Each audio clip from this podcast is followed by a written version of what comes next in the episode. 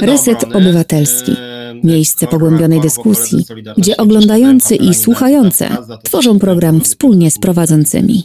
nie będzie dobrze, widząc taki kierunek myślenia, więc o tym też zaraz będę mówił, e, tak na marginesie. E, Kolega z Solidarności, jemu nie przeszkadza przede wszystkim to, że jego centrala związkowa broniła nie- niejakiego Jankowskiego, Jankowskiego, więc, e, e, więc e, po prostu pedofila, zboczeńca, przestępcę, tak? Oni, nie wiem czy pamiętacie, Solidarność to była taka właściwie oni jako bojówka tam stanęli, że ktoś chciał ten pomnik Jankowskiego, pedofila, przestępcę zniszczyć i oni zagrozili użyciem przemocy, żeby nam bronić po prostu straże, obywatelskie straże przy pomniku pana Jankowskiego Solidarności i to mi się zarzuca, że to ja jestem że to ja niby jestem zaangażowany jakoś, tak? No to ja oczywiście, że jestem zaangażowany, bo krytykuję patologię w kościele, a, a Solidarność jest zaangażowana b- broniąc, e, broniąc patologii w kościele, więc chyba wydaje mi się, że ja robię uczciwszą e, robotę. E, polecam serial na Netflixie Dziewczyna z Watykanu, zaginięcie Emanueli Orlandi wbija fotel, więc jak chodzi o Emanuelę Orlandi, to też polecam moją książkę, tam Agnieszka Zakrzewicz dużo o tej historii e, mówi. Mm, Jak chcieli święcić od P2 o tych przestępstwach nie wiedzieli gorsza. Oczywiście, że wiedzieli, dlatego uważam, że cały czas cały Kościół jest uwikłany w to krycie przestępców. No i napisałem tą książkę, wracam do początku, żeby zrekonstruować, zaraz przejdę co, jak to się ma do związków e, zawodowych. E, W tej książce Ojciec Nieświęty pokazywałem różne właśnie mroczne aspekty pontyfikatu Jana Pawła II. Mówiłem o ukrywaniu pedofilów, mówiłem o ukrywaniu przestępców finansowych. Kolejna sprawa to jest błogosławienie dyktatorów na czele z niejakim Pinochetem. Była nawet taka słynna scena, kiedy ofiary Pinocheta przyszły do Jana Pawła II, była demonstracja i jego najbliższe otoczenie odepchnęło tych ludzi, tak? Natomiast sam e, Jan Paweł II spotkał się z Pinochetem i go pobłogosławił, wiedząc, że był po prostu strasznym zbrodniarzem Pinochet. Dotyczyło to też innych dyktatur Ameryki Łacińskiej, dotyczyło to też e, zwalczania, e, zwalczania e, krytycznych, można powiedzieć, odłamów kościoła w Ameryce Łacińskiej, które były krytyczne wobec dyktatury, czyli teologii wyzwolenia.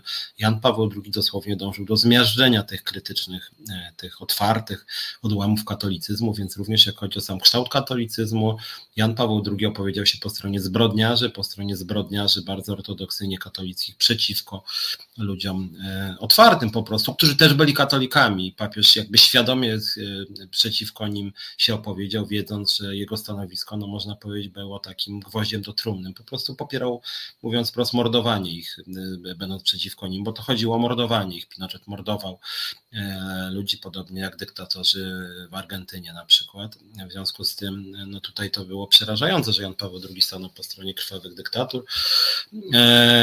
Kolejna sprawa, no to jest e, wsparcie dla naprawdę na najbardziej takiego fundamentalistycznego, prawicowego skrzydła kościoła. Dzisiaj to jest e, środowisko e, Ordo Juris, powiedzmy, wtedy to było Opus Dei.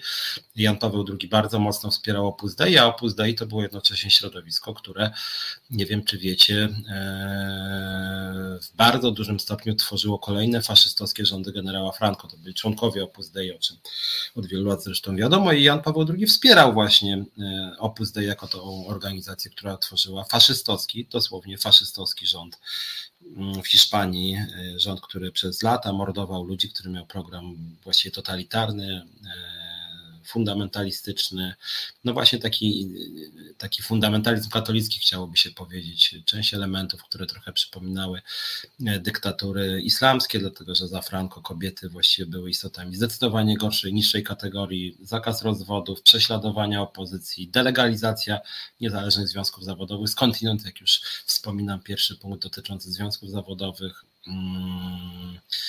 cenzura oczywiście, e, kasowanie jakichkolwiek niezależnych mediów, e, bardzo duża rola wojska, no więc taka prawicowa dyktatura wojskowa. I tą dyktaturę wojskową tworzyli ludzie z Opus Dei, których Jan Paweł II osobiście wspierał i błogosławił. Jak chodzi o pedofilów, słynny przypadek, wracając na chwilę, e, Maciela de Gollado, czyli takiego porażającego zboczeńca, przestępcę, e, którego e, pedofila, którego Jan Paweł II błogosławił i jak już było wiadomo o tym, że ten Maciel był pedofilem, oszustem, człowiekiem okrutnym, po prostu przestępcą, to Jan Paweł II perwersyjnie mówił, że ten Maciel jest wzorcem dla młodzieży. Człowiek, który gwałcił młodzież, zdaniem naszego papieża Polaka, mm, był wzorcem dla młodzieży. Ważne też sprawy, jakby nie było dla obrońców praw człowieka, no to to, że papież był strasznym mizoginem i homofobem. Eee, I nie mówię tego na darmo, to znaczy rzeczywiście przed papieżem Polakiem kwestia aborcji były właśnie na marginesie, to Jan Paweł II właśnie uruchomił ten fundamentalistyczny nacisk na zakaz aborcji, zakaz bezwzględny. Podobnie Jan Paweł II bardzo mocno naciskał, żeby nie używać antykoncepcji, szczególnie intensywnie to czynił w krajach afrykańskich, było to w czasie, kiedy zaczynała się epidemia HIV-AIDS, nie było wtedy żadnych leków praktycznie, więc po prostu polityka papieża że w tym zakresie była dosłownie mordercza, znaczy mordował ludzi tą swoją, znaczy zachęcał do umierania, tak, wykorzystując, wykorzystywał swój autorytet po to, żeby ludzie umierali, że rzecz jakby obrzydliwa, odrażająca i nazywać takiego człowieka autorytetem, no rzeczywiście moim zdaniem po prostu szokujące. Jego poglądy na temat praw osób nieheteroseksualnych również były, mm, mówiąc oględnie, mm, mało cywilizowane, po prostu był homofobem. No więc w momencie, kiedy weźmiemy całość poglądów Jana Pawła II, to moim zdaniem mm, każdy przyzwoity człowiek powinien się od papieża Polaka odwrócić. Mówię to jako obywatel, tu akurat obywatel, związkowiec, nie ma to znaczenia po prostu. Człowiek, który ukrywa przestępców, okrutnych przestępców gwałcących dzieci, po prostu nie zasługuje na miano autorytetu i moim zdaniem jakby nie ma o czym tutaj rozmawiać w zasadzie i to jest bardzo smutne, że cały czas w Polsce wręcz jest jakaś wielka dyskusja, że on w sumie był jednak autorytetem. E, więc ja jestem tym trochę zszokowany. No, ale to powiedziałem bardziej jako właśnie taki krytyczny obywatel, a nie jako związkowiec, więc co do tego mają związki zawodowe? O tym ma już trochę więcej moja druga książka, czyli e, Bezbożnik przeciwko władzy religii. Taką wydałem niedawno książkę w zeszłym roku. Mm, I w tej książce już piszę szerzej e, na ten temat funkcjonowania religii w społeczeństwie, jak ma się religia, szczególnie Kościół katolicki, do Mm, polityki społecznej, polityki gospodarczej. E, I tutaj dlatego odnoszę się do tych, którzy uważają, że ja właśnie jako lider związkowy jestem jakimś mm, radykałem, czy że krytyka Kościoła nie ma nic wspólnego z działalnością związkową. E, a moim zdaniem ma właśnie. I to, że Związek Zawodowy Piotra Dudy w sposób taki bardzo radykalny i demonstracyjnie wspiera Kościół katolicki, to moim zdaniem ich kompromituje. Związkowa Alternatywa jest związkiem świeckim, jest związkiem postępowym e, i część przynajmniej, e, część przynajmniej e, celów programu Kościoła katolickiego jest po prostu postępowym związkowcom obca, po prostu. Więc tak, więc po pierwsze wydaje mi się, że niezależnie od tego, jakie macie, mamy poglądy, to uważam, że Jana Pawła II nie można po prostu bronić. Nie można bronić polityki ukrywania pedofilów na masową skalę. To jest e, taka sprawa jako związkowca, tylko każdego przyzwoitego obywatela. Natomiast teraz chciałem przejść dwa zdania do, mm, do tych kwestii bardziej socjalnych, społecznych, więc do tematu naszego programu. Jak się mają działania związków zawodowych do Kościoła katolickiego? Moim zdaniem jest tutaj po prostu konflikt interesów, konflikt wizji, konflikt priorytetów i rzeczywiście e, Kościołowi katolickiemu i postępowym związkom zawodowym, moim zdaniem jest po prostu nie po drodze i to od wielu, wielu lat. Po pierwsze dlatego, że jak chodzi przynajmniej o ten kościół Jana Pawła II, przypominam, e, kościół katolicki współtworzył de facto przez Opus Dei faszystowski rząd generała Franco, gdzie związki zawodowe niezależne od władzy były po prostu delegalizowane, były prześladowane, prawa pracownicze de facto nie istniały. To funkcjonowało, dlatego czasem używam analogii e, Franco do reżimu e, pana Jarosława Kaczyńskiego, dlatego że oni mają dosyć podobny model rynku pracy, podobny model związków zawodowych, o tym jak prześladowana jest nawet nasza organizacja związkowa w Zakładzie Ubezpieczeń Społecznych. Mówimy co tydzień, dzisiaj pewnie Ilona też tu się pojawi na, na, za jakiś czas, na pół godzinki, powiemy o nowych formach dyskryminacji naszego związku. To jest jako przykład, bo to jest na masową skalę. No w locie na przykład de facto od lat się odbywa to samo.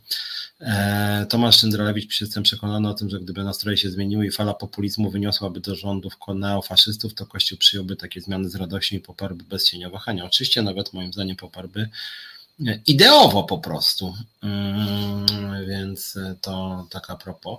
No ale wracając do tych kwestii do tych kwestii pracowniczych, że tak powiem, i jakby zawieszam, znaczy pamiętając o tym, że Kościół katolicki robi rzeczy straszne, moim zdaniem, którego absolutnie kompromitują, dezawuują, to chciałem powiedzieć parę zdań, czy paręnaście, czy parędziesiąt na temat wizji polityki społecznej i rynku pracy Kościoła katolickiego i dlaczego się, się z nim totalnie po prostu e, nie zgadzam.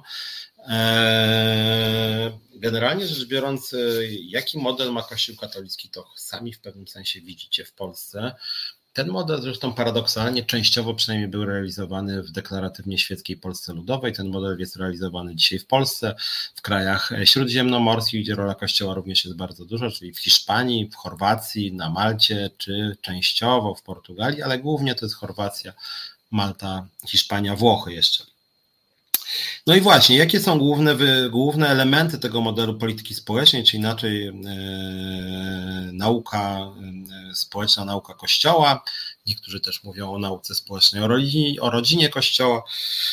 No i właśnie, jakie to są wymiary tej e, nauki kościelnej? Otóż to się nazywa właśnie takim chadeckim modelem polityki społecznej, który moim zdaniem jest całkowicie obcy postępowym związkom zawodowym. E, Głównym element tego modelu to jest tradycyjny model rodziny, tradycyjny podział obowiązków domowych. Przede wszystkim mężczyźni są na rynku pracy, kobiety mm, zajmują się dziećmi, kobiety zajmują się seniorami, kobiety zajmują się obowiązkami domowymi, więc częścią tego tego katolickiego czy chadeckiego modelu jest to, że państwo nie prowadzi aktywnej polityki zatrudnienia, nie jest celem państwa w tym modelu równość kobiet i mężczyzn. Nie jednostka jest podstawowym podmiotem, tylko rodzina i stąd nacisk na rodzinę, a nie na jednostkę.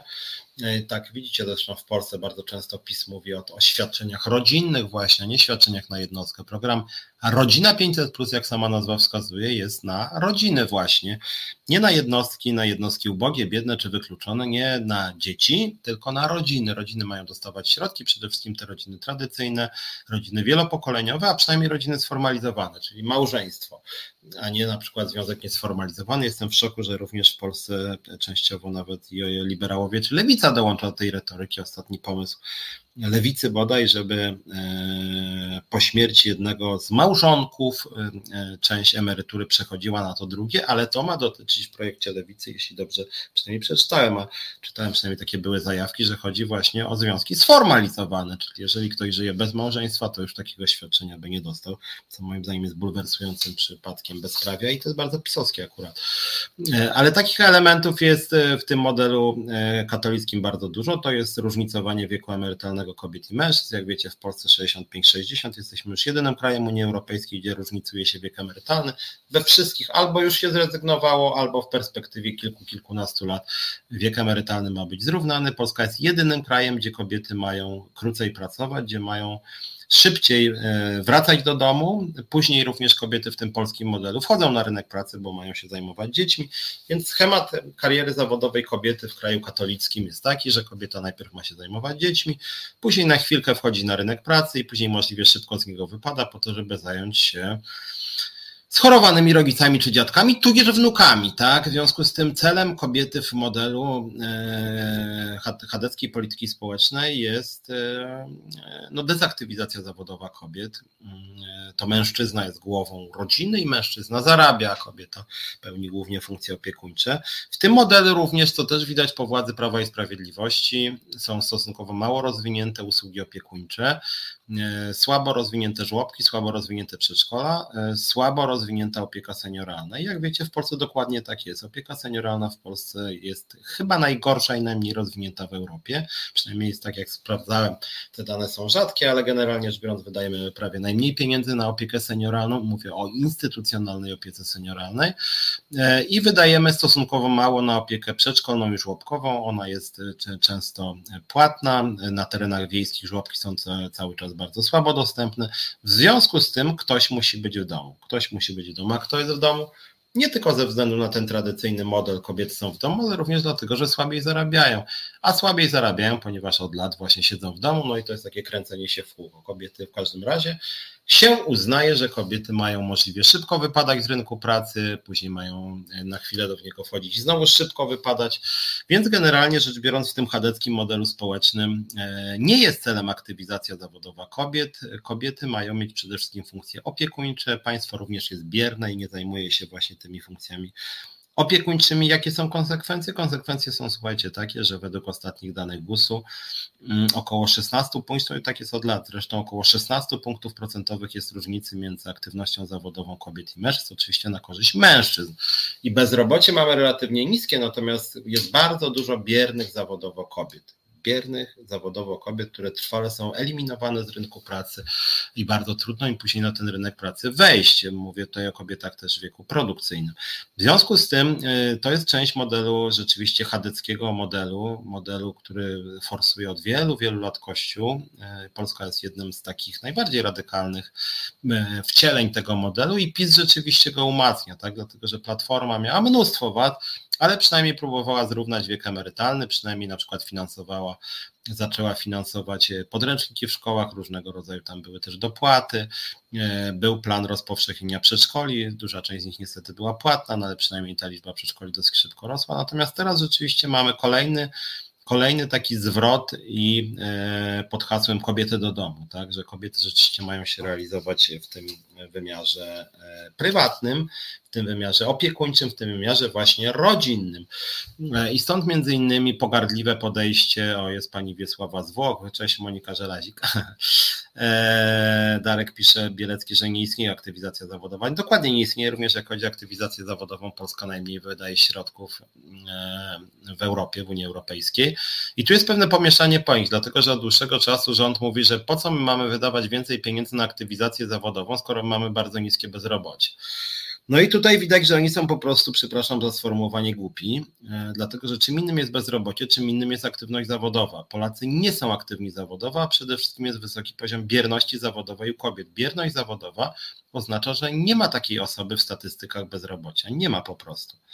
E, w związku z tym, e, w związku z tym e, polityka aktywizująca kobiety to byłaby polityka, która by w ogóle wprowadzała kobiety na rynek pracy. Obecnie one są poza rynkiem pracy, więc ich nie ma w statystykach dotyczących bezrobocia. Natomiast różnicowanie, tu się nie zgadzam z Pawłem Krzysztofem Kołodziejem, Różnicowanie wieku emerytalnego jest niekonstytucyjne moim zdaniem i również orzeczenie Trybunału Konstytucyjnego ostatnie przed tymi sędziami dublerami było takie, że docelowo wiek emerytalny powinien być zrównany, bo jest to moim zdaniem oczywista forma dyskryminacji, różnicowanie wieku emerytalnego, a skutek również, część pewnie tutaj naszych widzów o tym wie, E, jest taki, że kobiety mają o ponad 1000 zł niższą emeryturę niż mężczyźni. Ponad 1000 zł niższą emeryturę i w perspektywie kilkunastu lat wszelkie statystyki mówią, łącznie z panią Gertrudą Uścińską skądinąd naszą, bohaterką. Ona też akurat o tym mówi, co ciekawe. E, wiele kobiet czeka po prostu biedne ubóstwo w nowym systemie, że jakby kobiety wkrótce będą e, masowo biednymi seniorkami, które będą po prostu e, adresatkami pomocy społecznej. To jest też wynik tej polityki emerytalnej, która jest po prostu głupie moim zdaniem. Czy obecna składka na ZUS nie jest podatkiem od życia? Można powiedzieć, no ale wszędzie są jakieś, wszędzie jest system składkowy. U nas on jest mało sprawiedliwy, bo nie jest solidarnościowy, moim zdaniem. Gosza pisze, że ludzie nie chcą wyższego wieku emerytalnego, nie można tego wprowadzać na siłę. Tylko słuchaj, Gosza, problem polega na tym, że polski system jest w ogóle absurdalny trochę, dlatego że, że z jednej strony mamy wiek emerytalny 65-60, z drugiej strony rząd szepcze ludziom, ale pracujcie dłużej, pracujcie dłużej, bo będziecie biedakami. W konsekwencji część pracuje dłużej, część dostaje emeryturę i pracuje, co w ogóle wypacza sens systemu emerytalnego, bo emerytura to jest wtedy, kiedy my nie jesteśmy zdolni do pracy. O to tutaj chodzi. Jeżeli ktoś pracuje, no to właściwie dlaczego ma dostawać emeryturę? Natomiast co chcę powiedzieć? Chcę powiedzieć, że e, ludzie e, nie chcą wyższego wieku emerytalnego w tym sensie, że nie ma dla nich pracy, nie ma dla nich godnej pracy, e, nie proponuje im się możliwości łączenia ról zawodowych i rodzinnych, e, szybko pogarsza się ich stan zdrowia, więc tutaj moim zdaniem trzeba byłoby socjaldemokratyczną alternatywę wprowadzić, czyli bardzo duże wydatki na profilaktykę zdrowotną, bardzo duże wydatki na poprawę jakości powietrza, żeby ludzie byli zdrowsi po prostu, żeby ludzie więcej się ruszali, żeby ludzie też więcej ze sobą spędzali czasy, bo kontakty towarzyskie również dobrze wpływają na zdrowie e, i żeby po prostu mogli dłużej e, dłużej godnie pracować. Natomiast można było oczywiście wprowadzić rozwiązania, że na przykład po 60 roku życia dla obydwu płci na przykład można byłoby skrócić tydzień pracy, tak? I stopniowo go skracać za to samo wynagrodzenie. I to jest jakaś opcja, która na przykład w Szwecji jest praktykowana. Natomiast to, że jest różny wiek emerytalny i się na siłę wyrzuca te kobiety z rynku pracy po to, żeby zajmowały się mm, dziećmi, to jest rzeczywiście, e, rzeczywiście uważam, że szkodliwe po prostu. Gdyby, gdyby w Polsce rozwinęła się opieka żłobkowa i opieka przede wszystkim senioralna, no to właśnie wtedy kobiety, bo to głównie kobiety przejmują te obowiązki opiekuńcze, nie byłyby skazane na zajmowanie się wnukami i swoimi schorowanymi rodzicami i wtedy zapewniam Was, wiele z tych kobiet y, chciałoby pracować, nawet na pół etatu w jakimś krótszym wymiarze, żeby na przykład być też z ludźmi, tak? To jest po prostu jakaś forma zaangażowania też społecznego, więc one dzisiaj i tak pracują. Słuchajcie, czy kobieta, która ma 63 lata i zajmuje się 84-letnim y, ojcem bardzo ciężko chorym, to jest cholernie trudna praca, cholernie trudna praca. Znam osoby, które właśnie taką pracę y, wykonywały. E, I co? I co uważacie, że to jest e, w sam raz praca i że taka osoba nie mogłaby w przyjemniejszy sposób pracować w jakimś innym miejscu, za które by jeszcze dostawała pieniądze? Oczywiście, że powinna. Znaczy to byłoby lepsze, po prostu bardziej satysfakcjonujące. Zrównanie wieku nie zmniejszy dysproporcji, różnica w wynagrodzeniach to jest dysproporcja. Otóż oczywiście, że zmniejszy. Jeżeli zrównamy wiek emerytalny, to będzie ten sam okres składkowy, mniej więcej przynajmniej e, i, e, i emerytury dla kobiet będą o wiele wyższe. A tak ten system działa. Zresztą ja jestem akurat dla, dla, za tym, żeby system był solidarnościowy, czyli że płacimy składki i one są wypłacane naszym rodzicom i dziadkom. Ja osobiście to popieram ludzie, którzy pracowali całe życie, im się po prostu emerytura należy.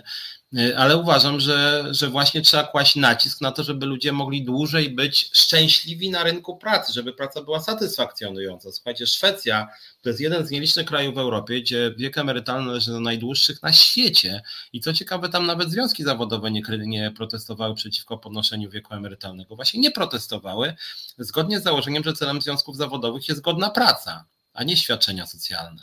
I, i, I, te związki walczyły o to, żeby, e, żeby, żeby ta praca była godna, żeby ta praca była dobrze opłacona, żeby BHP było przestrzegane, żeby były oczywiście okresowe badania, jeżeli ktoś jest schorowany, to wtedy, to wtedy albo jakoś z tego przechodzi na emeryturę, albo na przykład ma jakąś lżejszą pracę, ma wsparcie ze strony państwa, bo aktywne, aktywizacja zawodowa w Szwecji polega też na tym, że państwo po prostu pomaga człowiekowi. Jeżeli się na przykład na jakimś obszarze źle czuje, to państwo się zastanawia, czy samorząd razem z obywatelem, gdzie on mógłby się realizować. Tam się wychodzi z założenia, chciałoby się powiedzieć takiego wczesno-marksistowskiego, że praca powinna dawać satysfakcję. To może być praca w organizacjach pozarządowych, to może być praca w sektorze opieki, to może być praca mm, e, z ludźmi po prostu, tak? E, to może być jakaś praca socjalna. Jest bardzo dużo, bardzo dużo takich zawodów, w których e, osoby z dużym doświadczeniem, osoby starsze mogłyby wnosić nawet właśnie swoje doświadczenie.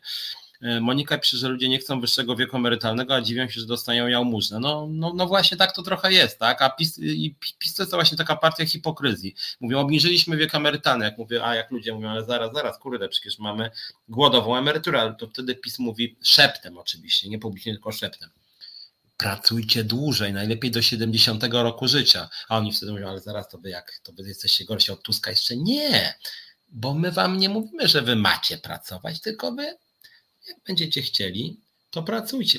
Jak nie będziecie chcieli, będziecie głodować. Ale to już jest jakby każdy wybiera sobie sam. A po czym głośno. Tu skazał do śmierci pracować, my wam dajemy, prawda, wiek emerytalny kobietom 60 lat.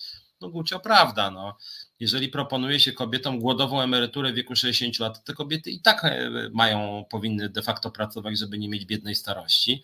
Natomiast prawda jest taka, że ustanowienie wieku emerytalnego na poziomie 60 lat sprawia, że i tak się kobiety wyrzuca z pracy właśnie. W związku z tym jakby e, domyślnie właśnie je się zwalnia, co nie jest moim zdaniem korzystne i te różnice w aktywności zawodowej są tak naprawdę bardzo, e, bardzo niezdrowe. E, no, więc to, więc to, to taka, taki element, bo mówiłem o tym, o tej katolickiej nauce społecznej, że Polska jest przesycona właśnie tym katolickim modelem, że kobiety mają siedzieć w domu i zajmować się dziećmi i swoimi rodzicami czy dziadkami, a mężczyźni mają pracować dłużej niż kobiety. Nie wiadomo dlaczego dłużej, dlatego, ale w nauce społecznej Kościoła jest to zrozumiałe. Chodzi po prostu o to, że to mężczyźni są tymi ojcami, tymi głowami rodziny, którzy mają kasę, wszystko wpływa na ich konto, oni zarządzają kasą, oni rządzą żoną, oni rządzą dziećmi i generalnie to jest właśnie ten tradycyjny model rodziny, więc wydaje mi się, że pod tym względem, mm, pod tym względem jakimkolwiek progresywnym środowiskom powinno to być obce myślenie. Ja jestem liderem związkowym i moim celem nie jest to, żeby ludzie jak najszybciej wypadali z rynku pracy, tylko moim celem jest to, żeby zapewnić godną, dobrze płatną, bezpieczną, stabilną pracę. Tak długo, jak długo będzie dawała ludziom satysfakcję. Zawsze mnie to śmieszyło trochę, że szczególnie jak patrzyłem na to w OPZZ, że państwo lat 65-70 robili kampanię na rzecz krótszego wieku emerytalnego i pani tam były, tam były różne również panie po 60, byli panowie, przecież teraz liderem jest niejaki Radzikowski, lat chyba 70, nie pamiętam, 6. E, jak ja tam wygrywałem w OPZZ wybory na szefa Mazowsza, to liderem, szefem był przede mną pan lat chyba 75, który chciał być kolejną kadencję, tak? Pan Broniarz ma lat chyba 73 teraz czy 4 i wszyscy oni mówią, że każą nam do śmierci pracować. Każą wam do śmierci, no to, to dlaczego wy pracujecie? Co, co to za pomysł jakiś jest, nie? E, wszyscy ci liderzy, którzy tam w OPZZ brali udział w tych kampaniach na rzecz e, skrócenia czasu emerytalnego, obniżenia go, to sami powinni już od dawna być na emeryturze. Czy pan Jarosław Kaczyński również według mojej wiedzy to już chyba przekroczył 65 rok życia więc, więc moim zdaniem to jest y, hipokryzja, czy y, strażniczka Zakładu Ubezpieczeń Społecznych Kani Gertruda Uścińska też według mojej wiedzy już chyba skończyła 60 lat. Y, więc to jest tak, że okej, okay, to, to, to, to wy pracujcie krócej, wy wypadajcie z rynku pracy, a my, no my sorry, my jesteśmy lepszego sortu, mamy taką fajną pracę, że nam się przecież chce pracować. To może odwrócimy, może zastanówmy się nad tym, żeby tak stworzyć rynek pracy, żeby ludziom się tak chciało pracować, jak się chce panu Radzikowskiemu, na przykład panu Broniarzowi e, czy panu Kaczyńskiemu.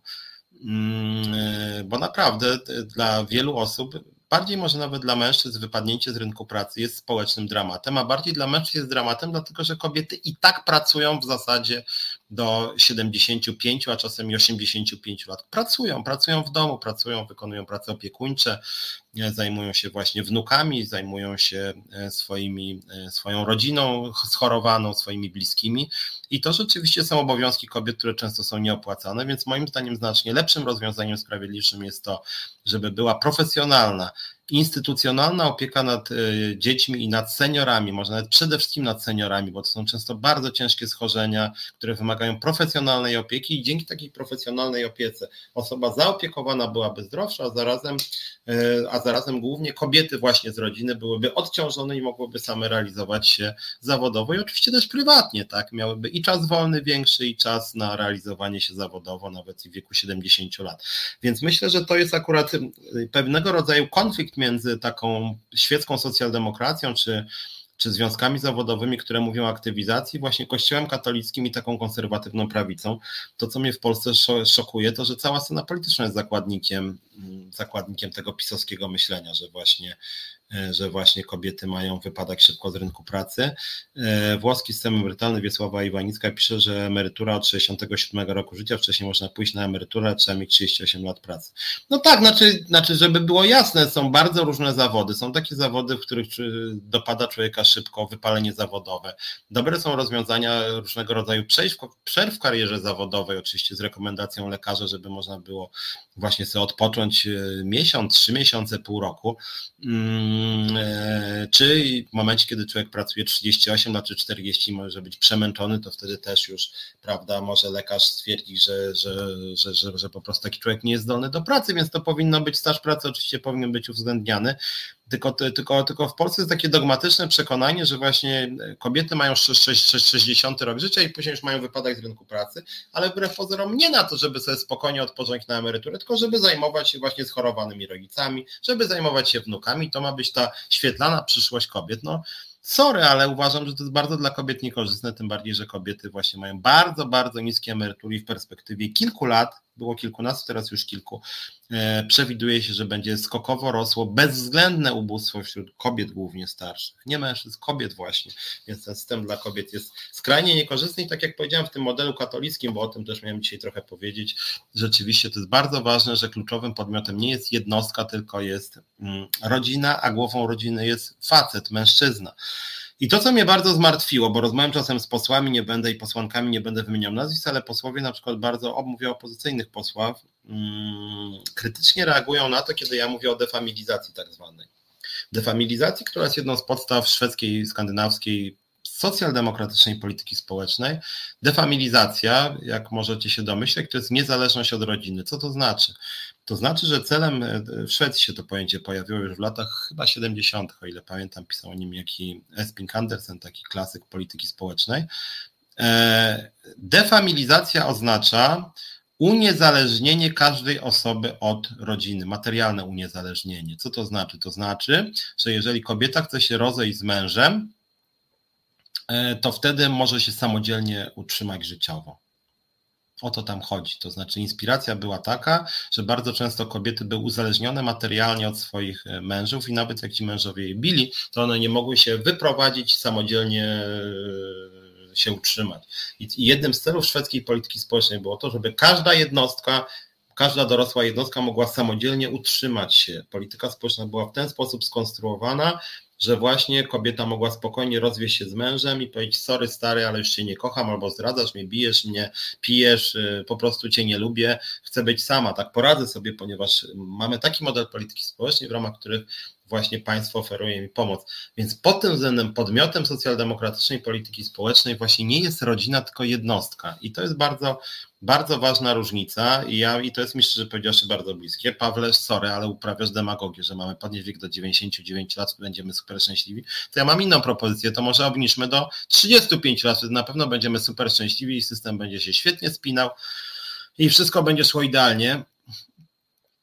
Zresztą, jak chodzi o różne badania socjologiczne, to chciałem Ci powiedzieć, Pawle, że rzeczywiście praca jest jednym z tych czynników, który daje satysfakcję życiową. Brak pracy jest chorobą, y, za mocno może powiem, jak powiem, chorobą psychiczną, ale dezaktywizuje, y, alienuje nas, y, pozbawia nas kontaktów ze społeczeństwem, czyni nas biernymi życiowo, zabiera nam motywację do działania. W związku z tym jakiś rodzaj aktywności, to oczywiście nawet do 120 lat jakby dało radę żyć. E, natomiast za pracę warto dostawać pieniądze. Więc to, że ty, Pawle, nawet zadekretujesz, że praca będzie do 50 lat, to nie znaczy wcale, że, że ludzie przestaną pracować. Szczególnie jak chodzi o kobiety, to całe okrucieństwo tego rozwiązania jest takie właśnie, że kobiety bardzo wcześnie wylatują na emeryturę i mają strasznie dużo obowiązków opiekuńczych, za które nie dostają żadnych pieniędzy, są po prostu biednymi, zapracowanymi e, właśnie e, obywatelkami, które biorą na siebie mnóstwo roboty. Państwo mówi, ja się w to nie angażuję, bo ja kocham rodzinę, a rodzina, czyli kobiety mają wykonywać całą robotę opiekuńczą. Czy to jest fajny model Twoim zdaniem? Moim zdaniem on nie jest fajny. Znacznie fajniejszy byłby taki, kiedy państwo by zapewniało opiekę żłobkową i opiekę przede wszystkim senioralną, a kobiety mogłyby na przykład do 65 roku życia popracować sobie na pół etatu e, w branży, w której, e, która im daje satysfakcję, a bardzo często się okazuje, że właśnie około 60-65 lat człowiek ma najwięcej e, kompetencji, jest po prostu bardzo ma dużo doświadczenia, w związku z tym jest specjalistą, tak jak LK na przykład pisze, że ma 71,5 i dalej pracuje na umowę o pracę. I co byś powiedział LC, że ma jakąś fałszywą świadomość, że ona jest głupia, że lepiej jakby się zamknęła w domu i zajęła się tylko swoimi, nie wiem, wnukami, wtedy będzie szczęśliwsza. Dlaczego? Jeżeli, jeżeli na przykład chce pracować, daje to satysfakcję. Więc, więc ja tutaj uważam, że to nie jest dobry dogmat, a już na pewno niesprawiedliwe jest różnicowanie e, wieku emerytalnego. Jest moim zdaniem po prostu szkodliwe. E, wspominałem też o tym, co na początku o tym mówiłem, że w Polsce jest uprzywilejowanie małżeństw względem związków niesformalizowanych. To też jest część tego modelu katolickiego. I w ogóle zdumiewające jest to, że w Polsce się nie dba o jednostkę, tylko ciągle się mówi o tej rodzinie, a przecież w Konstytucji jednostki są. Człowiek jest podstawową e, komórką społeczną. Nie rodzina, tylko człowiek, jednostka i każda jednostka ma być szczęśliwa na emeryturze, śpieszą się 50-latki, warunki szczególne, potem żałują, kapce nie, mają poczucia wspólnoty, idą do roboty, pisze Monika Żelalik. No właśnie, myśmy nawet z Moniką jako związkowa alternatywa myśleli o tym i cały czas myślimy, szukamy jakiegoś grantodawcy, no bo na to nie mamy środków związkowych, związkowcy płacą składki na walkę o prawa pracownicze, ale myśleliśmy o tym, żeby na przykład aktywizować zawodowo właśnie te e, e, te osoby, które przechodzą na wcześniejszą emeryturę, bo one właśnie przechodzą w tym wieku 50 lat, mówimy tak było w locie wobec, wobec, wobec pewnej grupy osób i później te osoby naprawdę są, że tak powiem, w pełni sprawne, mają duże kompetencje, mają wolę życia i chciałyby się jakoś realizować na rynku i mogą robić bardzo fajne rzeczy, więc wydaje mi się, E, no właśnie, bo, bo Żena Breczko świetnie, e, jak to Rafalska powiedziała, przywrócenie wieku emerytalnego dla kobiet to uwolnienie kapitału opiekuńczego dla rodziny, czyli kobiety stają się pracownicami w domu. I o to tutaj e, niestety moim zdaniem chodzi, że kobiety mają pracować po prostu za darmo.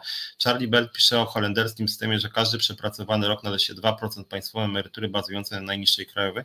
Nie znam dobrze z tego systemu, to znaczy mi się wydaje, że ludzie powinni oczywiście mieć poczucie bezpieczeństwa, ale warto w ogóle uznać, że praca jest czymś dobrym. Tylko żeby praca była czymś dobrym, to trzeba nią zadbać. Czyli na przykład to, co ostatnio Partia Razem, jeden z nielicznych ich pomysłów, który moim zdaniem jest po prostu dobry, to jest skrócenie czasu pracy. Być może właśnie warto by się zastanowić nad tym, żeby seniorzy pracowali trochę krócej, żeby ten wiek, żeby ten tygodniowy wymiar czasu pracy mógł być skracany po 60 roku życia na przykład, czy w zależności od stanu zdrowia. To są fajne, ciekawe pomysły, które można byłoby e, praktykować. E, coś tutaj Paweł mi zarzucał jakieś lipkowości. Ale co ty masz, Paweł, na myśli lipkowość? To znaczy to, że ja uznaję jako związkowiec wartość pracy ludzkiej, że praca jest czymś dobrym, a nie złym? No bo mówię, no generalnie rzecz biorąc w takim razie najbardziej lipkowym krajem na świecie jest Szwecja. To Szwecja, drugim krajem lipkowym jest Finlandia, e, Dania również jest lipkowym krajem. To są kraje o najwyższych, najwyższych wskaźnikach aktywności zawodowej w całej populacji. Czyli ludzie pracują również po nie 60, a 70 roku życia w Szwecji i Finlandii. Jakbyś spojrzał, Paweł, w te statystyki, to są kraje o najwyższych wskaźnikach aktywności zawodowej i najmniejszych różnicach w tej aktywności między kobietami i mężczyznami. I to są kraje socjaldemokratyczne, w których nie różnicuje się płci, nie różnicuje się w tym sensie wieku i zarazem państwo tworzy ci ramy, gdzie możesz z satysfakcją dla siebie i otoczenia możesz się spełniać po prostu w życiu zawodowym i publicznym. I również, Pawle, statystyki dotyczące, oczywiście to nie są proste wskaźniki, e, szczęśliwości, tam jest wiele e, elementów. Wskaźniki szczęśliwości również są najwyższe w krajach skandynawskich, czyli krótko mówiąc, te społeczeństwa, w których są najwyższe wskaźniki aktywności zawodowej, ludzie są najszczęśliwsi. Tak jest, po prostu, takie są wskaźniki od lat. Nic ci na to nie poradzę, Polska w tych rankingach nie jest zbyt wysoko. E, więc nie mów mi tutaj o, o jakimś tam e, korwinizmie, tylko ja mówię o tym, żeby państwo zadbało o godne warunki pracy, żeby państwo zadbało o kondycję fizyczną obywateli, żeby ludzie żyli dłużej i jeszcze być może nawet ważniejszy wskaźnik, który w Polsce niestety najlepiej nie wygląda, to jest życie w zdrowiu. Jeżeli ludzie byliby zdrowi, w pełni sił w wieku 70 lat, to dlaczego nie mieliby się realizować na rynku pracy? Duża część osób zresztą to robi po prostu. Tylko dobrze byłoby, żeby ta ich praca też była opłacana, nie tak jak to niektórzy właśnie, jak pani Rafalska uważa, spoko, niech kobiety do setnego roku życia nawet e, pracują, mówi pani Rafalska, niech się zajmują opieką i oczywiście bez pieniędzy one sobie będą pracować, tak, wypadają z rynku pracy. No to, to, to, to, to ma być ten sprawiedliwy model? Mira pisze, że tak, kobiety do 67 roku do pełnej wersji emerytury, ale można przejść szybciej w Szwecji. Tak, no w Szwecji jest właśnie elastyczny ten model, więc to też jest fajne. Eee, że, że, że, że właśnie w Szwecji jest ten elastyczny model, że można też mieć krótszy tydzień pracy i że właśnie nie różnicuje się kobiet i mężczyzn. I o to chodzi w socjaldemokratycznym modelu właśnie. Defamilizacja, uniezależnienie od tych ról od tych ról rodzinnych, tak? E, urlopy ojcowskie też rozbudowane, tak? Bardzo rozbudowana opieka senioralna i opieka żłobkowa, o której już czterokrotnie mówiłem. Posiłki w szkołach, fundamentalna rzecz, posiłki w szkołach. Nie muszą rodzice gotować, a znowu w tym tradycyjnym modelu gotują oczywiście kobiety. W związku z tym, jeżeli w szkołach będą pełnowartościowe posiłki w szkołach, to wtedy kobiety będą odciążone, będą mogli swobodniej realizować się w karierze zawodowej. Będą wchodzić na rynek pracy, nie będą miały przerw bo dzisiaj też kobiety mniej zarabiają, bo mają dużo przerw. Narodzenie dzieci, dziecko jest chore, znowu zostają, e, później kolejna ciąża i znowu na, na dobrych parę lat często wypadają z rynku pracy. E, małe dziecko, więc kobiety gotują w domu, bo oczywiście kobiety gotują. W związku z tym e, często jakiś czas, przez jakieś miesiące czy nawet lata nie pracują, mają mniejszy staż pracy. W związku z tym pracodawca uznaje, że mają mniejsze kompetencje, w związku z tym mają niższe pensje.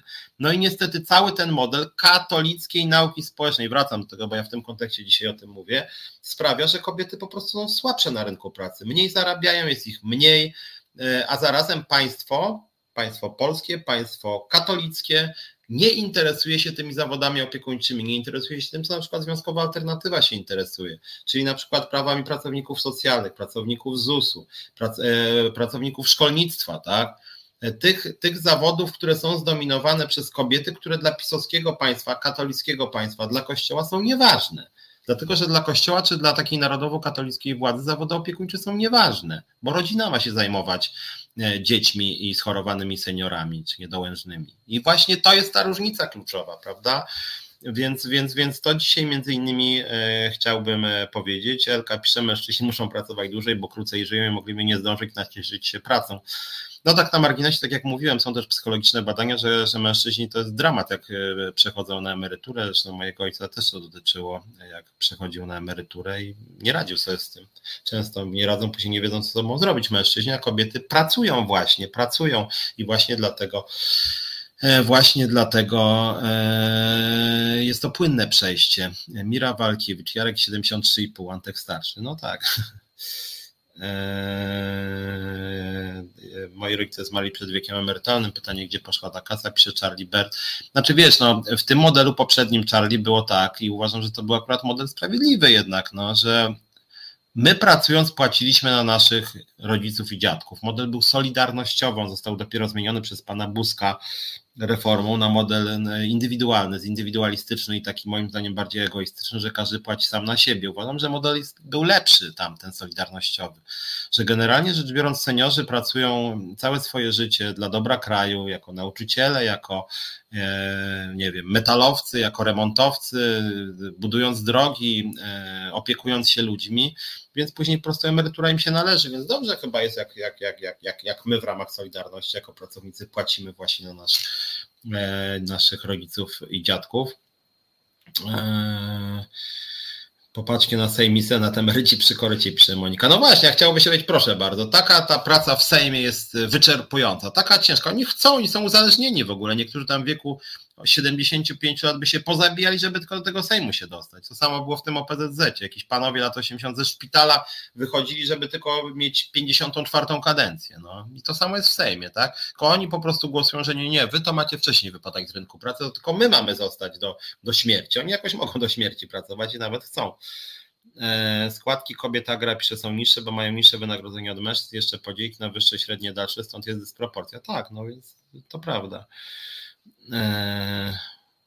17.50 to Ilona pewnie przyjdzie tak po 18. E, pułap nieosiągalny dla pisowskich obietnic mają ofiary ich poszukiwań wroga. Niemcy mają taki program socjalny, jakim Kaczyński nie śpiewał marzyć. Znaczy w ogóle będziemy też mówić, może e, dzisiaj mówimy trochę o tej katolickiej nauce społecznej, natomiast w ogóle ta polityka społeczna PiSu jest moim zdaniem fatalna. Fatalna. Jestem w ogóle przeciwko całej tej polityce społecznej PiSu.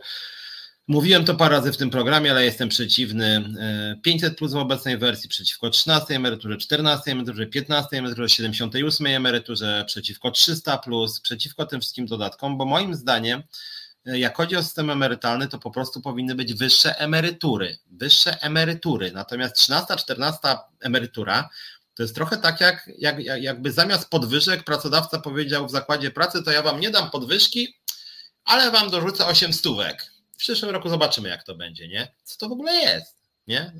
Pracownicy mówią zaraz, zaraz, zaraz. Umawiamy się, że pan nam podwyższy o 15% na przykład. Stabilnie, nie, że jakiegoś pana widzi mi się, teraz dostaniemy 800, a później pan zobaczy, nie? Co to w ogóle ma być?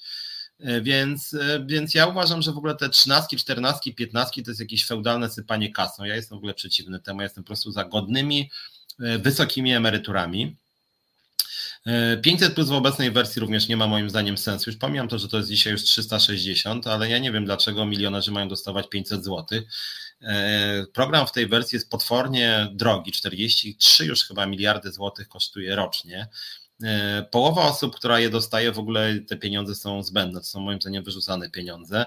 Znacznie lepszym rozwiązaniem byłoby to, że jeżeli e, celem 500 plus była walka z ubóstwem, no to w takim razie zmodyfikujmy system świadczeń socjalnych i rzeczywiście, rzeczywiście stwórzmy kryterium dochodowe, tak żeby ochronić przed ubóstwem rodziny z dziećmi. Koszt takiego programu to byłyby cztero szacuje się 4-5-krotnie mniejsze niż programu 500, Rodzina 500 Plus w obecnej wersji. Czy jeżeli chcemy trochę droższy program, to stwórzmy 500 Plus z pewnym z pewnym pułapem, z pewnym limitem e, dochodowym i później wprowadzi mechanizm złotówka za złotówkę, czyli jeżeli ktoś przekracza o 300 zł, dostaje 200 zł, tak? I e, podobnie to 300 plus to w ogóle ja nie wiem, co to ma być, jakieś, nie wiem, rozdawnictwo pod choinkę jednorazowe, które nic nie jest warte. Moim zdaniem zadaniem państwa nie jest rozdawanie pieniędzy z mało progresywnych podatków, czyli jakby najpierw wszystkim zabieramy kasę, a później dajemy kasę prawie wszystkim. W związku z tym, no to, to rzeczywiście liberałowie mają rację, no to po co zabierać kasę, żeby dawać kasę, to już lepiej mm, obniżyć podatki, nie? Więc moim zdaniem zamiast obniżenia podatków, bo ja bym część podatków nawet podwyższył, państwo powinno zająć się tym, co robi lepiej od obywateli. Lepiej od obywateli. A co robi lepiej od obywateli? Lepiej od obywateli organizuje właśnie wspominany przeze mnie system opieki nad dziećmi, nad seniorami. Lepiej od obywateli jest w stanie zapewnić wszystkim dzieciom pełnowartościowe posiłki w szkołach. Lepiej od obywateli może zapewnić dentystów i pielęgniarki w szkołach. Lepiej od obywateli potrafi stworzyć całościowy system ochrony zdrowia, profilaktyki zdrowotnej.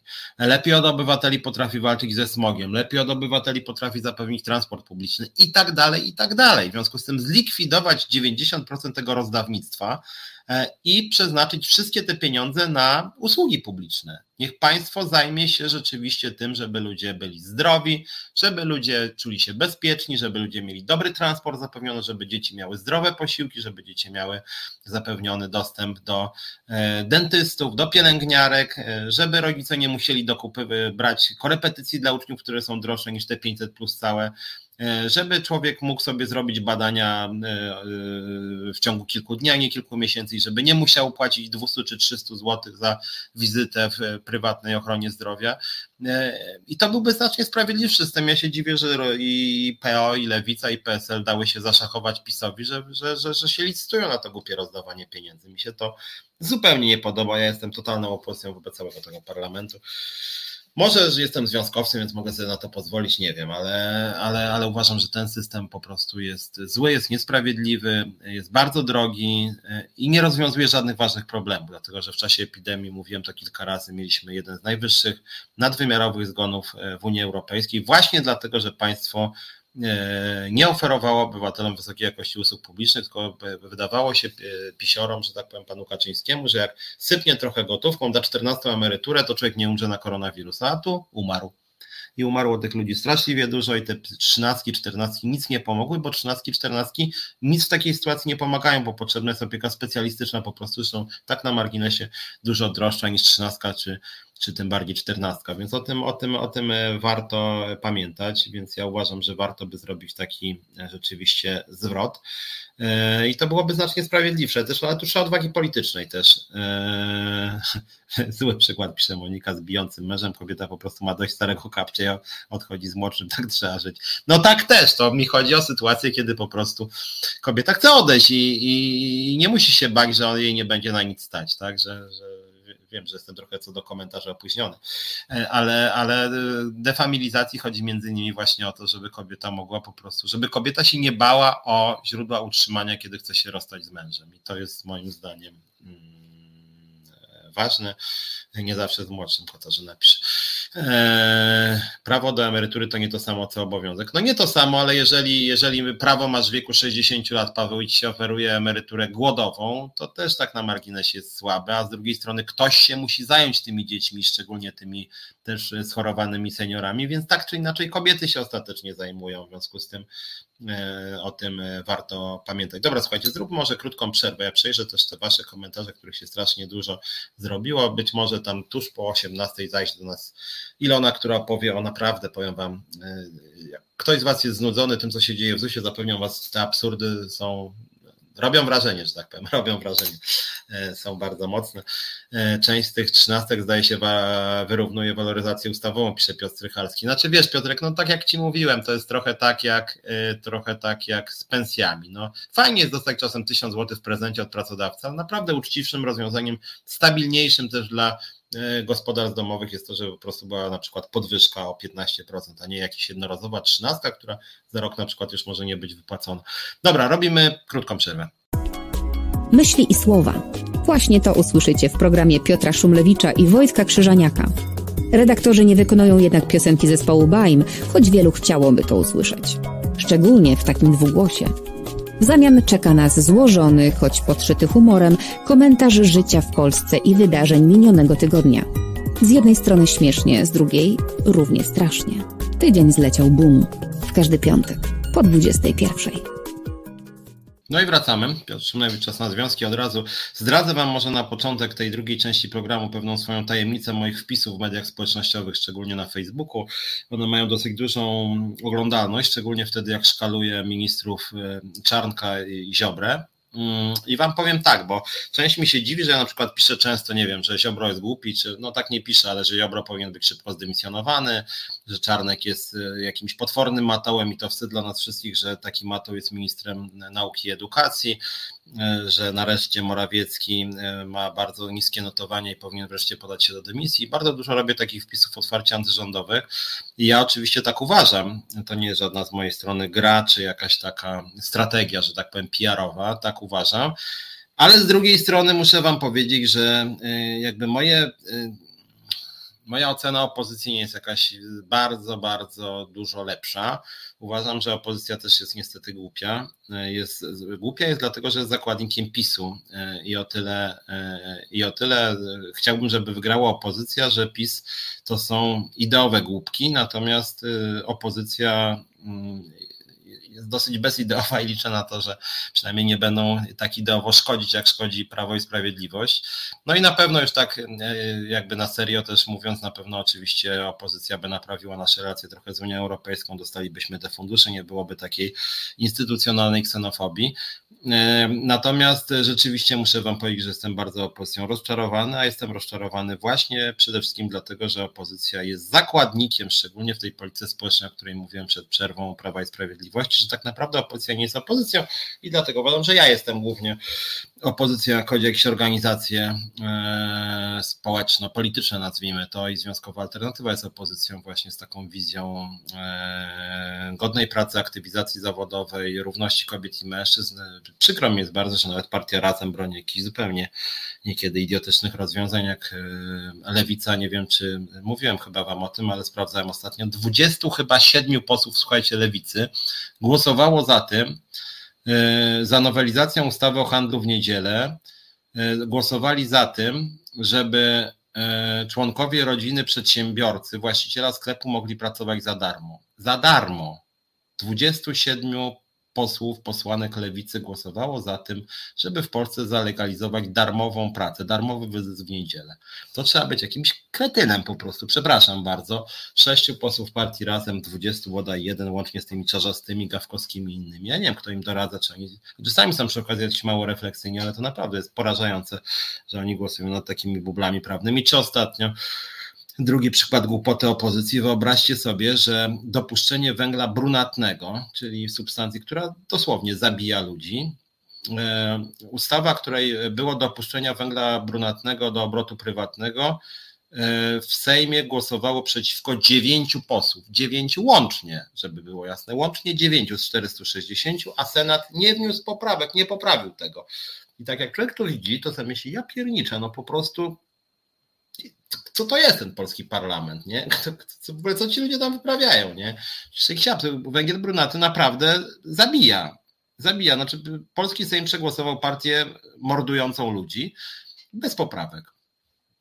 Ja nie wiem, to znaczy to jest po prostu przerażające. No, dla mnie to jest szokujące. To, to, nie wiem, koalicja, PSL, Lewica, wszyscy oni straszne, nie? No dobra, ale wracając do, do, do, do rynku pracy i to, co też wy piszecie, e, bezwarunkowy dochód podstawowy, ten, kto go wprowadzi, będzie rządził wiecznie. Oskar Oskar pisze, kompletnie nie moim zdaniem, to jest w ogóle rozwiązanie moim zdaniem głęboko niemądre.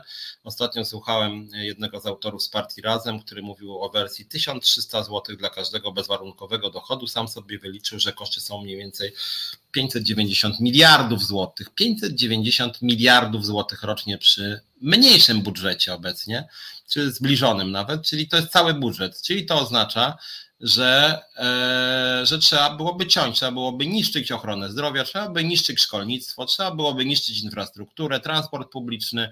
O opiece to w ogóle moglibyśmy pomarzyć, to jest, czyli rozwiązanie jest moim zdaniem idiotyczne, bardzo szkodliwe i nawet skrajnie liberalne gospodarczo, bo to oznacza, że E, że po prostu rozdajemy ludziom kasę i oni za tą kasę sami mają sobie coś zorganizować. Więc wszystko to, co ja mówiłem, że państwo jest potrzebne, żeby żeby, żeby ludziom pomagać, to, to to państwo byłoby osłabione bardzo. No chyba, żebyśmy wprowadzili podatki, nie wiem, po 80% dla każdego, to pytanie po co?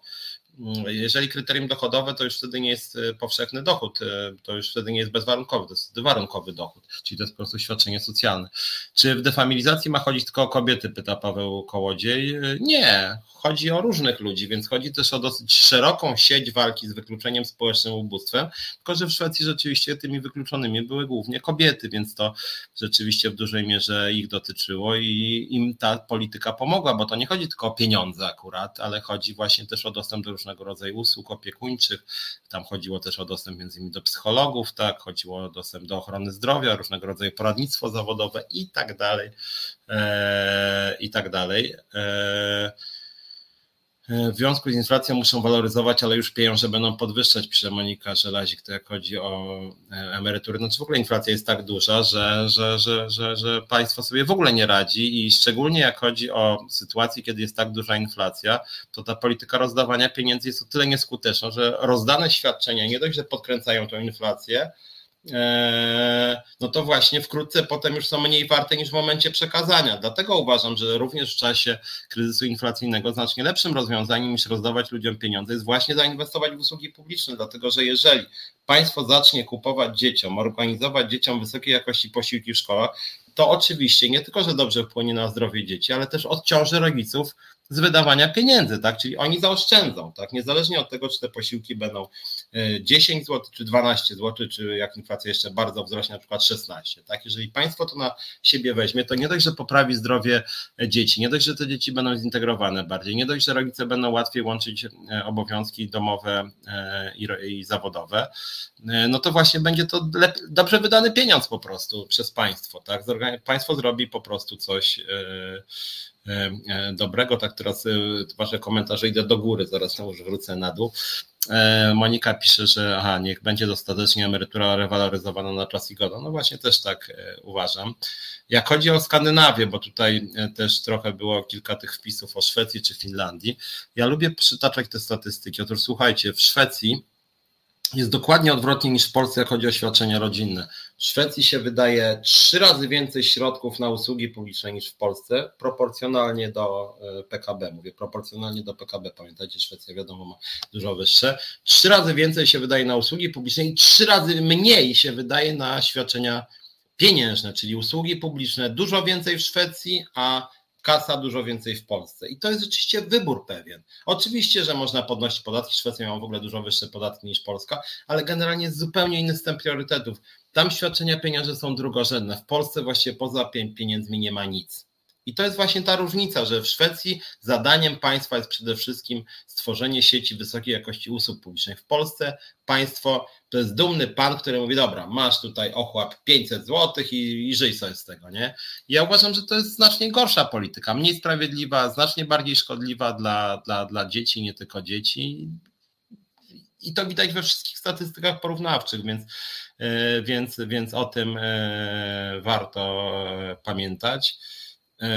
Gans system repartycyjny nie jest motywujący, powinien być egoistyczny. Wiem, na co idą moje składki niepłacone innych, owe miało to zrobić, ale przepadło. Ale w, w, jakim sensie motywujący? To znaczy, generalnie rzecz biorąc, jak ja pracuję, to mam w swojej pracy, żeby otrzymywać godną pensję. To jest chyba motywacja, nie, że ja pracuję, żeby kiedyś dostać emeryturę. Tym bardziej, że dzisiaj jest tak i tak niestety jest od lat i to też jest wina polskiego państwa, że patrz na przykład polskie linie lotnicze, LOT, o czym Monika bardzo dobrze wie, że większość pracowników jest dzisiaj na śmieciówkach, płaci, dostaje na emerytury mniej znacznie środków. No i co? Mm, czy oni jakoś są gorzej zmotywowani do pobierania wysokich emerytur? Nie, po prostu jest państwo źle funkcjonuje i zalegalizowało na masową skalę umowy śmieciowe, w tym sensie dosłownie państwo, bo LOT to jest spółka Skarbu Państwa. E, więc moim zdaniem, jak powiedziałem, twórzmy system godnej pracy, żeby ludzie mieli godne pensje. Natomiast jeśli chodzi o emerytury, no to system, e, system solidarnościowy jest moim zdaniem bardzo też taki etyczny, że on właśnie sprawia, że jesteśmy jednym społeczeństwem, że, że, że my płacimy składki emerytalne, które idą właśnie na emerytów. Na emerytów, a jak my będziemy emerytami, to na nas będą płaciły e, nasze dzieci. Ja uważam, że to jest akurat, e, akurat e, w porządku. Mm. Jeszcze patrzę. No dobra, to już może teraz wrócę tu, wrócę do bieżących komentarzy. Przepraszam, jeżeli jakieś, jakieś wasze komentarze mm, mi uciekły. E, węgiel brunatny zabija, niszczy piece. No właśnie też mi się tak wydaje. Znaczy w ogóle polityka, e, polityka energetyczna tego rządu to jest jakiś straszliwy dramat, jakaś głupota przy okazji. E, więc opozycja obiecuje nam pracę do końca życia. No właśnie ja nie mówię o pracy do końca życia, ja mówię o aktywizacji zawodowej, że to byłoby coś pożądanego, żeby właśnie ludzi aktywizować, żeby ludzie, żeby ludzie mogli się po prostu realizować w pracy i żeby praca nie była trudem i znojem, tylko żeby dawała pewną satysfakcję. E, praca też socjalizuje, pamiętajcie o tym. Jak się już wypadnie z rynku pracy, to bardzo trudno do niej wrócić. Tego na przykład nie rozumiał swego czasu niejaki Leszek Balcerowicz, któremu się wydawało, że w momencie, kiedy, kiedy komuś się odbierze zasiłek, środki do życia, to on sam się będzie chciał pracować. Wręcz przeciwnie. Jak człowiek wypada z rynku pracy, nie dostaje nic od państwa, żadnego wsparcia, to po prostu zamyka się w sobie, czuje wstyd, to jest pewnego rodzaju choroba, naprawdę. No, w związku z tym wydaje mi się, że państwo powinno być właśnie aktywne i na przykład w Szwecji jest tak, że państwo na przykład organizuje kursy dla obywateli i płaci za udział w tych kursach, tak? Jakby płaci za to, że ludzie wchodzą w ten obieg i później ludzie w tym obiegu już sobie radzą. I to jest moim zdaniem znacznie lepsze rozwiązanie niż taka bierna polityka rynku pracy jak w Polsce, gdzie właśnie jak już mówiłem, wyrzuca się e, dziesiątki tysięcy kobiet e, z rynku pracy i one po prostu bardzo trudno jest im też później wrócić na rynek pracy. W związku z tym, no o tym, o tym, o tym też. Y, o tym też warto pamiętać, że, że, że, że bycie na rynku pracy jest pewną samoistną, y, samoistną wartością. Słuchajcie, spra sprawdzę tylko, czy naszej towarzyszki Ilony nie będzie dzisiaj, bo ją w sumie chętnie bym zobaczył, żeby wam powiedzieć o tych absurdach w ZUS-ie, nie chcę o tym sam opowiadać. E, więc może Ilona zaraz do nas zajrzy jednak, bo dziwne rzeczy się tam w tym ZUS-ie, muszę powiedzieć, dzieją. Czy ktoś badał, dla ilu ludzi praca zawodowa jest przyjemnością, pisze Gosza. Znaczy powiem Ci tak, Gosza. E, oczywiście, że dla większości ludzi praca sama w sobie nie jest czystą przyjemnością, ale praca socjalizuje, bo e, daje też pewną, pe, pewne więzi utrzymuje, kontakty, bliskość, możliwość porozmawiania z innymi ludźmi, e, też po prostu ożywia człowieka również intelektualnie, sprawia, że E, że, że, że kondycja taka psychofizyczna ludzi jest lepsza, więc wydaje mi się, że tutaj dlatego znacznie lepszym kierunkiem wydaje mi się, że niż wyrzucanie ludzi z rynku pracy, e, to jest właśnie e, to jest właśnie troska o to, żeby ta praca była no właśnie godna, żeby BHP było przestrzegane, żeby limity czasu były przestrzegane, żeby płaca była godna. Powiedz mi Pawle, bo nie pamiętam o co, co masz na myśli pisząc o przywilejach emerytalnych. E, z tymi składkami płaconymi na dwoje rodziców może być mały ząg, bo uśredniona kobieta w ojczyźnie rodzi 1 i 4, 5, 8 dziecka, albo tatusiowie muszą schudnąć, albo zabrać się za bzykanie. No chyba bzykanie nie wystarczy, tylko trzeba chcieć mieć dzieci po prostu. E, ale to jest, a, a propos też dzietności, już niezależnie od tego, czy, czy, czy jest to wartość sama w sobie, dlatego że teraz na szczęście być może, jak chodzi o kondycję e, systemu emerytalnego, przyjmujemy dużo uchodźców z Ukrainy, imigrantów, i dzięki temu to są osoby jednak w wieku produkcyjnym, w związku z tym te wskaźniki się poprawiają, co akurat jest czymś dla systemu dobrym, niezależnie od innych e, elementów społecznych. E, natomiast jeśli chodzi o mm, wskaźniki e, dzietności, to tak się składa, że wskaźniki dzietności w Europie ostatnio bodaj najwyższe były w Szwecji i Francji akurat, więc w tych krajach, w których polityka społeczna właśnie oparta na te usługi e, społeczne jest duży nacisk. A, chodzi o to, że wiele grup zawodowych ma niższy wiek emerytalny, na przykład służby mundurowe. No cóż, jak mam być szczery, mam poważne wątpliwości. To znaczy, wydaje mi się, że są takie zawody, w których, e, w których oczywiście mm, trzeba mieć pewne kompetencje, tak? Że na przykład nie wiem, w jakichś służbach specjalnych e, osoby, które przekroczą pewien rok życia, są nie do końca zdolne do wykonywania obowiązków. Natomiast przyznam szczerze, że e, emerytura w wieku 38 lat, a jest to możliwe, przy, e, u człowieka, podkreślam, zdrowego, mm, w pełni sił w zasadzie, no jest czymś co najmniej dwuznacznym, więc mam poważne wątpliwości, czy rzeczywiście ten system e, jakkolwiek powinien pozostać. Tu by trzeba było wprowadzić jakieś, nie wiem, mm, kwestie związane z tym, żeby w obrębie zawodu czy branży były możliwości pracy na innym stanowisku, na stanowisku, który nie wymaga tak dużo siły fizycznej, no bo co, bo też nie wiem, rozumiem, piłkarze mieliby przechodzić na emeryturę w wieku nie wiem, 35 lat i mieć już do, do śmierci emeryturę, w ogóle sportowcy, tak? Tutaj o baletnicach jest mowa. No dużo jest takich zawodów, w związku z tym ja mam e, poważne jednak wątpliwości, czy, e, czy, czy ten system powinien zostać e, zachowany. Oczywiście on powinien być stopniowo mm, zmieniany. To jest też tak, że nabytych uprawnień trudno jest je pozbawiać z roku na rok.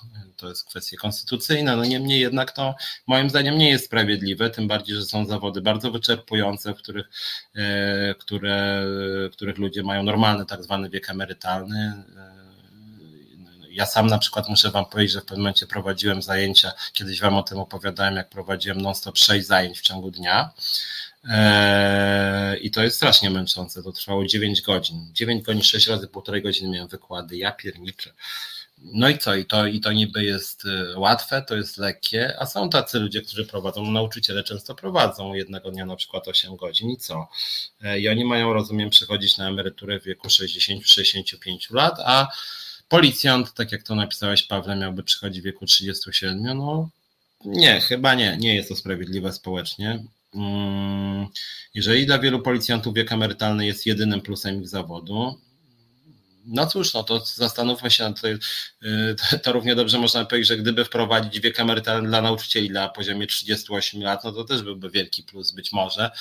E, chociaż to też jest moim zdaniem jakieś dysfunkcyjne, że, mm, że właśnie ludzie w wieku 40 lat przechodzą na emeryturę, no i co dalej? Dlatego, że dalej jest tak, że bardzo często tych byłych policjantów można spotkać na przykład y, w taksówkach, y, oni i tak sobie jakoś dorabiają, dlatego że tak jak powiedziałem, generalnie rzecz biorąc ludzie potrzebują kontaktów z innymi ludźmi. W momencie, kiedy wypadają z rynku pracy, zamykają się w domu, to wiele osób sobie tym wręcz nie radzi. W związku z tym wydaje mi się, że, że tutaj jakaś ciągłość pracy jest czymś e, ważnym i takie przechodzenie na emeryturę w wieku 30 paru lat, czyli właściwie u ludzi bardzo młodych, ja się też czuję młody, chociaż mam 46, no jest rzeczą szkodliwą moim zdaniem. Hmm.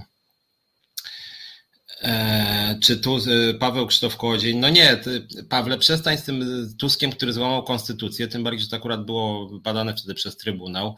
E, no co ty byś sugerował, że jeżeli było tak jak mówisz, to by się nigdy nie zmienił wiek emerytalny, to co wpisać do konstytucji wiek emerytalny, nie wiem, 60-65, tym bardziej, że ja Ci przypominam, Paweł, że jak chodzi o podnoszenie wieku emerytalnego dla kobiet, to przy wszystkich władach Platformy, akurat tutaj oni, oni, oni wpisali to podnoszenie wieku emerytalnego dla kobiet na przestrzeni bodaj dwudziestu paru lat. Więc też naprawdę nie przesadzajmy. E, przekwalifikowanie zawodowe się kłania. No właśnie, tylko że właśnie, żeby to było tak jak w Szwecji, gdzie e, i w wielu krajach europejskich, gdzie się pomaga ludziom znajdować pracę, gdzie się daje nawet płatne kursy, że idziesz na kurs i za ten kurs jeszcze ci płacą. I to jest, y, i to jest uważam czymś dobrym, taka aktywna polityka zatrudnienia, że na przykład ten policjant wypada właśnie z obiegów policji z racji tam, że, że miał jakieś nie wiem, badania na przykład po tych 15 latach i później mówią, dobra, teraz zapraszamy cię do jakiejś innej pracy. I to moim zdaniem byłoby ok. Katarzyna Orlik pisze, że Gosza przy dzieciach serio zamknięta w czterech ścianach leczy się na depresję, tak na mnie wpłynęło macierzyństwo. No więc właśnie sam, sami widzicie to, co też tutaj Katarzyna pisze, że, że właśnie ten aspekt socjalizacyjny jest czymś niekiedy bardzo dobrym, że właśnie siedzenie w domu może prowadzić do, do depresji, może prowadzić do jakichś yy, złych stanów psychicznych, że po prostu no, ten socjalizacyjny wymiar jest czymś dobrym. Waldemar pisze, czy, czy co tam u Gertrudy. No u Gertrudy właśnie ciekawe, że ja nie chcę sam o nich mówić. Czekam na, na, na Ilonę. Ilona jest w podróży i ona może, nie, nie wiem, czy jej się uda dotrzeć. Jeżeli się nie uda, to może ja wtedy powiem pod koniec programu dwa słowa o tym, co się w ZUS-ie dzieje, ale chciałem jednak, żeby Ilona to powiedziała. Jeżeli nie dotrze dzisiaj, to za tydzień pewnie Wam o tym opowie. Eee... No właśnie, o Paweł, sam widzisz, sam Paweł piszesz wcześniej jakoś tam tych rozwiązań wcześniejszej emerytury broniłeś, a tu sam pisze, że, że były pracodawca to emerytowany policjant tak się nudził, że na emeryturze, że założył firmę. Nawet nie, znaczy nudził.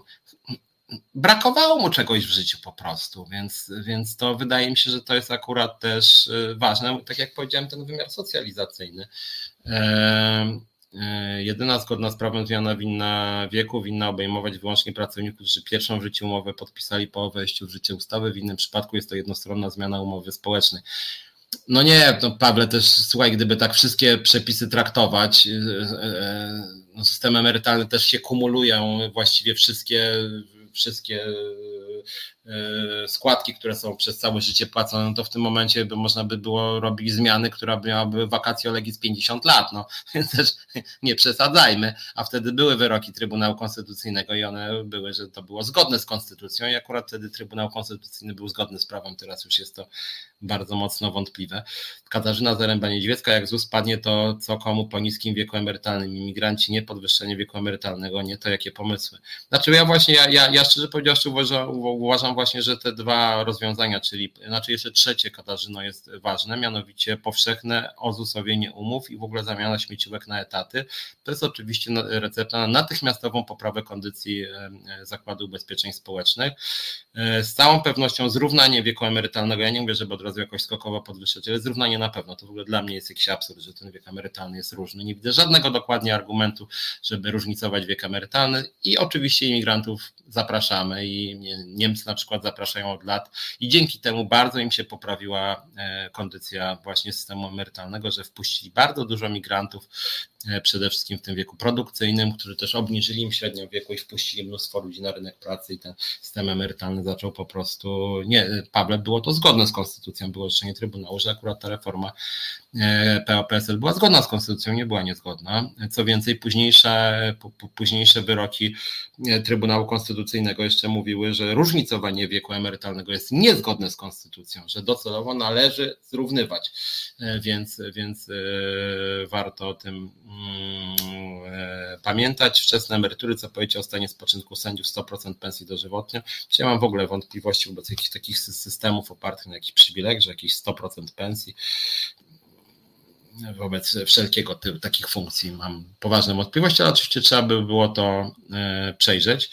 E, Katarzyna Zaręba, wielkim czynnikiem jest obciążenie odpowiedzialnością, często i samotność, tak naprawdę brak wsparcia, brak zrozumienia, matka Polka obowiązkowo. No więc właśnie, też mam takie poważne wątpliwości.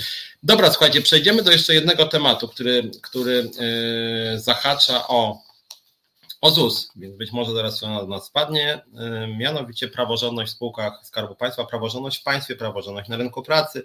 Dzisiaj sobie wydrukowałem przed programem taki...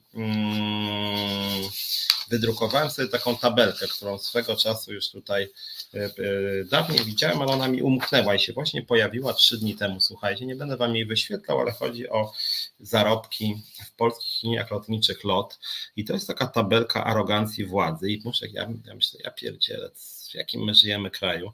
Mianowicie chodzi o zarobki o, o, zarobki zarządu i Rady Nadzorczej w polskich liniach lotniczych LOT w latach 2011-2020 i zarobki w czymś zarządu i Rady Nadzorczej, co się nazywa Polską Grupą Lotniczą. To jest razem napisane, ponieważ jest to właściwie jedna firma, mianowicie w zarządzie PLL LOT jest pięć osób, a w Polskiej Grupie Lotniczej są trzy osoby, z czego dwie pokrywają się z, tymi, e, z tym PLL LOT, tak? Na czele z panem Rafałem Milczarskim, który jest prezesem jednego i drugiego. No i słuchajcie, kryzys mamy, nie? 2020, no to koronawirus, spadek PKB Polski o 2,5%. Mm, e, I co?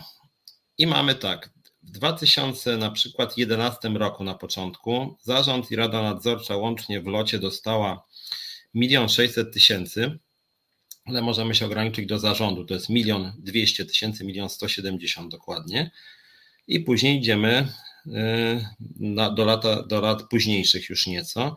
I mamy lata 2016 5 milionów 100, 2017 4 miliony 700, 2018 3 miliony, 2019 4 miliony 600 dla pięciu osób mówię, pięciu osób i 2, 2020 3 miliony 200 plus zarząd Polskiej Grupy Lotniczej 2 miliony 400, czyli 5 milionów 600. Słuchajcie, 2020 rok kryzysowy, pięciu gości, łącznie z jednym z Polskiej Grupy Lotniczej, sześciu gości dostaje prawie 6 milionów złotych. 6 milionów złotych w roku koronawirusowym, kiedy pan Rafał Miczarski uruchomił zwolnienia grupowe w polskich liniach lotniczych LOT,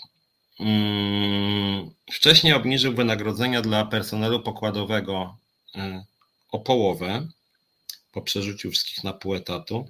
I tak sobie patrzę 5 milionów 600 tysięcy złotych, a rok wcześniej z tych dwóch spółek zarządy 4 miliony 700, czyli 2019 4700 Kolejny wybucha koronawirus i sobie podnieśli do 5, miliony, 5 milionów 600 tysięcy. Ja pierdzielę po prostu.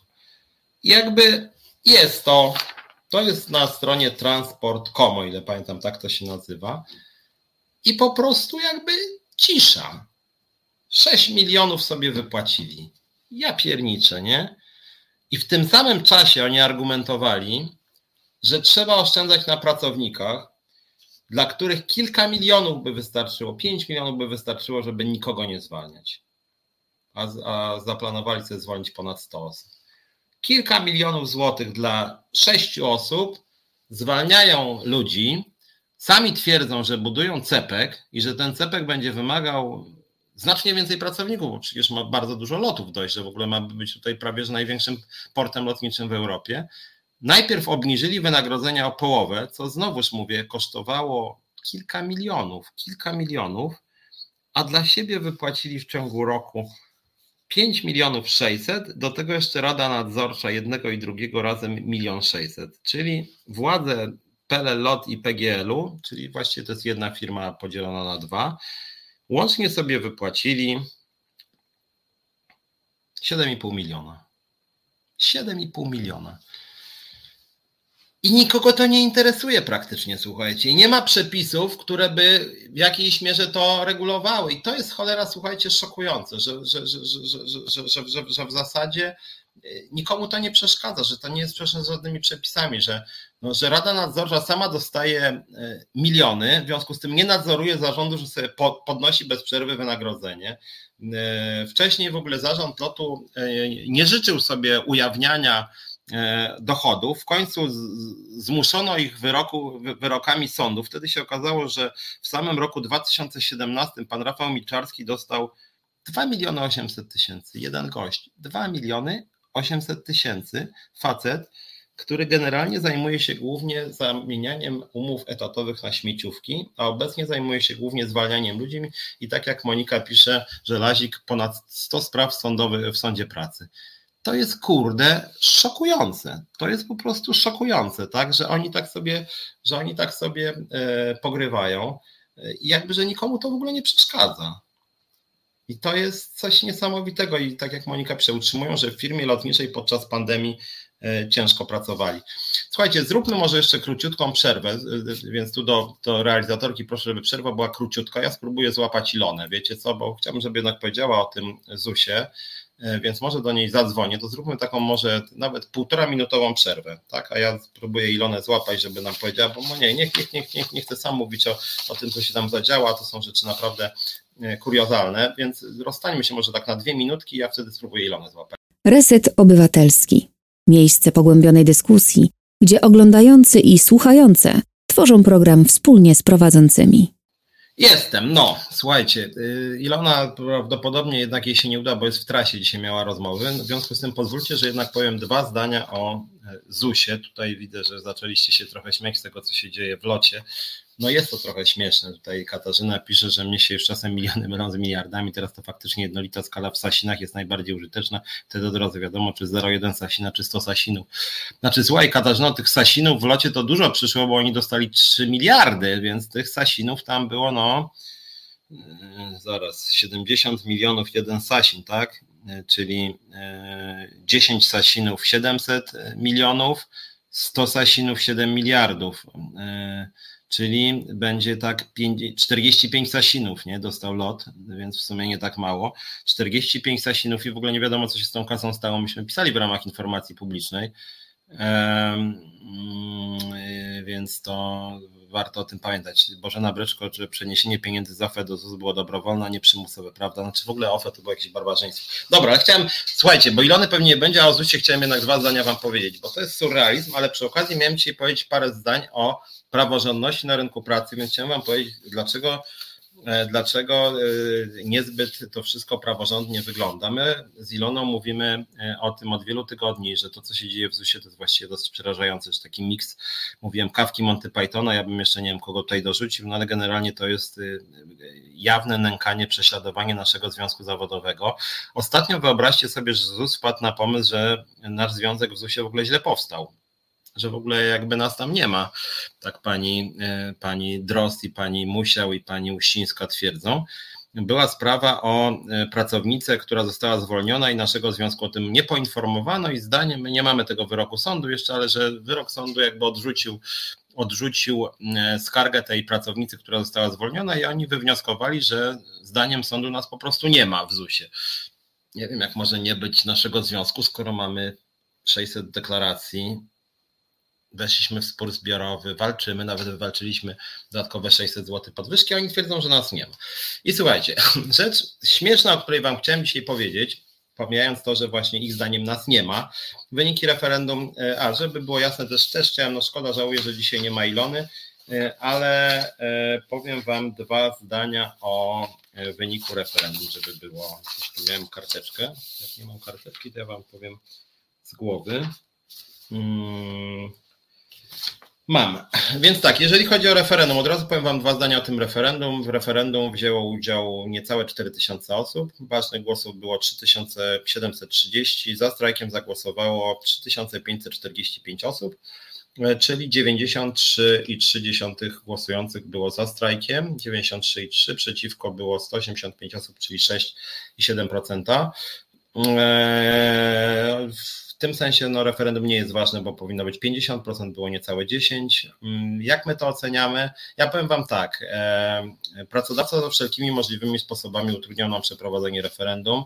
Nie dostaliśmy kontaktów do pracowników. Z forum pracowniczego w ciągu 5-10 minut znikały wszystkie nasze wpisy, informacje o referendum. Kilkukrotnie prosiliśmy, żeby pracodawca nawet sam wysłał informację o referendum bez przekazania nam jakichkolwiek danych. To nie zostało zrobione. Po raz kolejny pani Łusińska złamała prawo, uniemożliwiając umożliwiając nam przeprowadzenie de facto referendum. Biorąc pod uwagę to, że naszych związkowców w ZUS-ie jest około 600, to głosowanie blisko, 6, e, blisko 4 tysięcy osób uważam za umiarkowany, ale sukces, tym bardziej, że e, moim zdaniem e, osób, które dowiedziały się o referendum było nie wiem, może 7, może 8 tysięcy, natomiast po prostu nie mieliśmy możliwości przekazać informacji o referendum wszystkim pracownikom, dlatego że ZUS, e, że ZUS po prostu nie współpracował. No, chociaż zgodnie z ustawą o rozwiązywaniu sporów zbiorowych e, organizacja referendum jest prawem związku zawodowego, nikt naszej legalności tego referendum nie kwestionował, a mimo to ZUS po raz kolejny, jak mówię, złamał prawo i odmówił po prostu e, wydania nam jakichkolwiek kontaktów do pracowników, więc można powiedzieć e, trochę na ślepo rozpowszechnialiśmy gdzie się da przez jakieś fora. Bardzo trudno nam było dotrzeć do e, większości pracowników, więc moim zdaniem ten, to, że około 4000 osób wzięło udział przy 600 osobach należących mniej więcej do związku, to ja uważam, że to i tak jest niezły wynik. Zastanawiamy się natomiast nad tym, żeby podjąć sprawę Mm, prawną, e, żeby zgłosić sprawę do sądu e, odnośnie tego, że utrudniono nam referendum. Waldemar pisze, że to jest piękna klęska. Taki jesteś pewien? Znaczy ja, ja lubię takich chojraków, którzy piszą o klęskach, a, a, a sami jak przychodzi do rozmowy o podwyżkach, to, to, to, to się z, z kulą ogon i, jest i jest e, wtedy wszystko w porządku, a później narzekają i takich pracowników się też jest sporo. E, natomiast, natomiast no my walczymy, tak? To jest jakby jedna z wielu odsłon. Referendum można przeprowadzać wielokrotnie, będziemy dalej zgłaszać i spory zbiorowe i będziemy robić kolejne referenda. Przede wszystkim będziemy starali się prawnie. Mm, no właśnie, Gosia, pisze, takie utrudnienie jest bezprawne. Bardzo trudno jest zrobić, jeżeli to byłaby jedna firma, gdzie jest 100 pracowników i mamy dostęp do wszystkich, to wtedy moglibyśmy własnymi siłami jakoś do, dojść do ludzi, tak? Natomiast w momencie, kiedy oddziałów ZUS-u w Polsce jest bardzo wiele i w części tych oddziałów nas w ogóle nie ma po prostu jako związku, bo nas jest około 600 na 43 tysiące pracowników, e, to bardzo trudno jest rzeczywiście dotrzeć do innych, tym bardziej, że jak mówię, pracodawca robi wszystko, żeby utrudnić nam docieranie do pracowników, utrudnić nam. Pracodawca, jak mówię, z forum korporacyjnego nielegalnie usuwał wszystkie informacje na temat referendum, no nasze kilkukrotne prośby o wydanie nawet nie nazwisk pracowników, ale numerów identyfikacyjnych, czy prośby, żeby pracodawca wysłał e, z poczty korporacyjnej e, informacje o referendum do pracowników, ta prośba nie została spełniona, a w tym samym czasie pracodawca wypisywał różne szkalujące nas teksty do wszystkich pracowników, do 43 tysięcy, więc nie dość, że nie pozwalał nam nie pozwalał nam, nam odpowiedzieć na krytykę, to nawet jeszcze nawet nie poinformował o referendum. Trzeba budować struktury oddziałowe, 600 osób w tak krótkim czasie to sukces. Marek, Marcel Kocewicz, pełna zgoda i też liczymy na pomoc, jeżeli nas oglądają pracownicy ZUS, ja oczywiście apeluję, wstępujcie do nas, pomagajcie nam tworzyć struktury e, i wydaje mi się, że, że, że, że dzięki temu będzie nas dużo więcej, zresztą ostatnio widzę, że z tego co Ilona mówi, przystępują do nas nowe osoby. jak mówię, jeżeli e, blisko 4 tysiące osób wzięło udział w referendum, 3, ponad 3,5 tysiąca zagłosowało za strajkiem, a nas jest 600, no to znaczy, że przekonaliśmy na razie na tym etapie e, ponad sześć razy więcej osób niż należy do naszego związku. W związku z tym, moim zdaniem, e, mały, bo mały być może, ale sukces. I teraz tak, chciałem Wam powiedzieć o dwóch sprawach. Jedna o praworządności, druga o absurdzie. Słuchajcie, lewa i prawa ręka pani Uścińskiej przesłała nam skargę dotyczącą naruszenia przepisów o ochronie danych osobowych. Niniejszym aniżeli podpisana, pisze ta osoba, wice, e, e, wice e, ZUS-u. Skarga dotycząca naruszenia przepisów o ochronie danych osobowych. Niniejszym miała podpisana w związku z przetwarzaniem danych osobowych w sprawie swobodnego przepływu takich danych. Zgłaszam skargę do prezesa Urzędu Ochrony Danych Osobowych w związku z naruszeniem przez Związek Zawodowy Związkowa Alternatywa w ZUS z siedzibą przy E, ulicy Kolejowej e, przepisów RODO poprzez niewypełnienie przez organizatora referendum strajkowego obowiązku informacyjnego określonego w RODO względem e, osób, od których pozyskuje dane osobowe, to jest uczestników referendum, udostępnienie danych uczestnika referendum strajkowego nieuprawnionym podmiotom trzecim i później jest o tym, że Google ma, słuchajcie, nieszczelną politykę, zdaniem ZUS-u, że nie można Google'owi żadnych danych. Nadwiarowe przetwarzanie danych osobowych, dane osobowe pracowników mogą być ujawnione związkowi zawodowemu na podstawie tam artykułu 6, jednak dane pozyskiwane przez związek zawodowy powinny być zbierane tylko w niezbędnym zakresie, jak adekwatnym do celu, w jakim będą przez niego przetwarzane. Dlatego podawanie numeru PESEL przez uczestników jest nadmiarowe i tak dalej. Jednym zdaniem powiem Wam o co chodzi. Chodzi o to, że y, lewa i prawa ręka pani Uścińskiej zarzuca nam, że robiąc referendum strajkowe, naruszyliśmy ich dane osobowe, ich personalnie, ich personalnie. Nie wiem na jakiej zasadzie, ponieważ my nie mieliśmy ich danych i to oni nam podawali te dane. W regulaminie naszego referendum jest napisane, że, że wszelkie dane, które pozyskamy w niniejszym referendum, będą wykorzystane wyłącznie w ramach tego właśnie referendum i tylko na potrzeby tego referendum, czyli zgodnie z artykułami RODO wszystko dopełniliśmy. Na czym polega absurd i dlaczego powiedziałem, że to jest wybitnie absurdalne? Ponieważ słuchajcie, osoba fizyczna o konkretnym nazwisku wysłała skargę do RODO. RODO już prosi nas o wyjaśnienia, czy my nadużyliśmy, wykorzystaliśmy dane tejże osoby, e, czy jakkolwiek je przekazaliśmy komuś innemu, a słuchajcie, te osoby nie wzięły udziału w referendum. Nie wzięły. Osoby się poskarżyły, że my wykorzystujemy ich dane osobowe, a one nie brały udziału w referendum. W związku z tym nie podały tych danych. Nie podały, więc pani Uścińska Pani Drost, pani Musiał, znowuż jak się spytam, czy wy jesteście takie głupie? Czy to jest jakiś cyrk? Czy to są jakieś żarty? To ja nie wiem, znowu będzie jakieś uzupełnienie akt sądowy. Ale słuchajcie, no to jest bez sensu. Rozumiecie o co mi chodzi, nie? Jest referendum. Wy możecie brać udział w referendum, ale nie musicie. Nie bierzecie udziału w referendum. Nie podajecie swoich danych. Po czym idziecie do RODO i uważacie, że wasze dane zostały wykorzystane wbrew waszej woli. No trzeba być ciężkim kretynem. No nie wiem, no nie wiem co sądzicie, nie? Bo ja mówię, my nie mieliśmy tych danych. Dane były dobrowolnie podawane przy głosowaniu. Ci ludzie nie wzięli udziału w głosowaniu i skarżą nas do RODO, że my użyliśmy ich danych. No głupie strasznie, nie? Znaczy ktoś tu jest idiotą, no nie wiem, przepraszam, ale, ale chyba dobrze kombinuje, nie? Jak można uważać, że wykorzystaliście czyjeś dane osobowe, skoro ten ktoś nie podał swoich danych osobowych, a my ich nie mamy? No jest to kompletnie kretyńskie. Nie wiem, jak można skarżyć do RODO coś takiego. No bardzo dziwne, tym bardziej, że powtarzam, to referendum polegało na tym, że my wysłaliśmy kwestionariusz i każdy dobrowolnie mógł podawać swoje dane. W regulaminie powszechnie dostępnym napisaliśmy, że dane będą wykorzystywane tylko w celach związanych z referendum. I to zostało wszędzie napisane. Tylko w celach referendum nie będzie przekazane żadnej osobie trzeciej. Ale niezależnie już nawet od tego, nawet jeżeli byśmy te dane przetworzyli i złamali jakiś przepis, to nie odnośnie tych ludzi, dlatego że oni nie brali udziału w referendum, więc jest to, słuchajcie, totalnie idiotyczne po prostu. Ja nie wiem, znaczy ZUS goni w piętkę, ośmiesza się. E, jest to kolejny jakby cykl takiego, taki zupełnie absurdalny, mm, więc nie rozumiem zupełnie. Komple, komple, kompletnie nie rozumiem. Pozew do sądu wind i zabezpieczenie pozwu poprzez udostępnienie skrzynek czy czegokolwiek w ZUS referendum. Może tak. Nie, nie, nie, ale tutaj to nie jest pozew do sądu, bo oni poskarżyli do, do, do, do RODO, jeśli nie wiem, czy ja cię dobrze rozumiem, bo ZUS nasz skarży do RODO. E, natomiast to jest coś kompletnie kuriozalnego, więc ja się zgadzam z Piotrem Strychalskim, że to chodzi o to, żeby naszą aktywność skierować na możliwie najbardziej absurdalne nawet zarzuty, abyście nie mieli na co innego czasu. I dla tak, dokładnie Piotrze, na tym to polega. I dlatego mówimy tutaj o y, nękaniu. Ja wam słuchajcie, jeszcze chciałem, bo nie mamy za dużo czasu. Tak, i Kosmaty pisze to samo, że chcą marnować nasz czas, zaprzątać waszą uwagę bzdurami. Dokładnie tak, dlatego my myślimy, jeżeli macie, znaczy my będziemy rozmawiać z prawnikami, sami z Moniką też mamy swoje intuicje, ale myślimy, żeby podać tą sprawę jakoś czy do sądu, czy prokuratury zbiorowo, że oni nas po prostu nękają.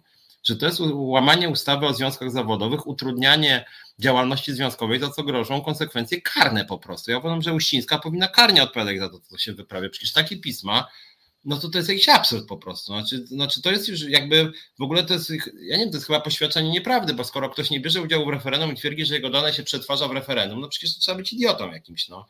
Więc a dzisiaj w ZUS przesłali kolejną porcję propagandy Uścińska z kumpelami o kolei alternatywa B, czyli znowu nas zaatakowali. No właśnie, plus wykorzystują, właśnie widzisz Windgun, to jest też to, ZUS co trzeci dzień pisze wyłącznie o naszym związku, że my jesteśmy, że nas nie ma, że jesteśmy głupi, że łamiemy przepisy, nie wiadomo co jeszcze, o żadnym innym związku nie piszą, o żadnym innym.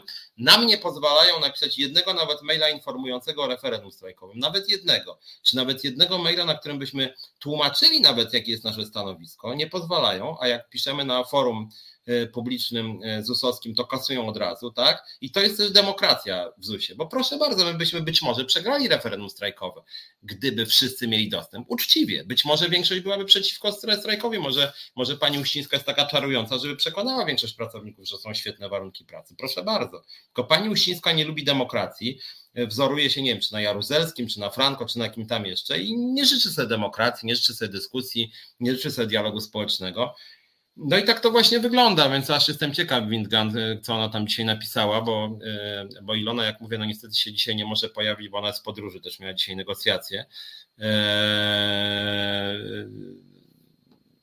no właśnie, też czy, czy ZUS stał się adwokatem pracowników, którzy sami bez wiedzy ZUS te dane podali, kretynizm jakiś. Ale widzisz, Win, to nie chodzi o to, to chodzi o to, że lewa i prawa ręka Uścińskiej się na to skarży. W swoim imieniu prywatnym, nie biorąc udziału w referendum. To jest jakiś kurczę, no to jest coś tak głupiego zupełnie, kiedy w, re, w regulaminie nie dość jest, że my piszemy o tym, że, e, że, że, że udział jest oczywiście dobrowolny, to nawet jeszcze, że te dane będą wykorzystane wyłącznie w celach referendum i, i, i, i, i skarżą nas osoby, które nie dość, że nie biorą udziału w referendum, to jeszcze na tak utrudniają przeprowadzenie tego referendum. No przecież to się w głowie nie myśli. To jest coś tak idiotycznego, że aż no w ręce miał. Znaczy ja się rzeczywiście muszę powiedzieć, że się całe życie uczę. To, to na pewno tak. I ZUS mnie wiele uczy, że że tak zamordystycznych ludzi jak pani Uścińska, to ja w życiu jednak nie spotkałem, bo bije nawet chyba prezesa e, lotu pana Milczarskiego.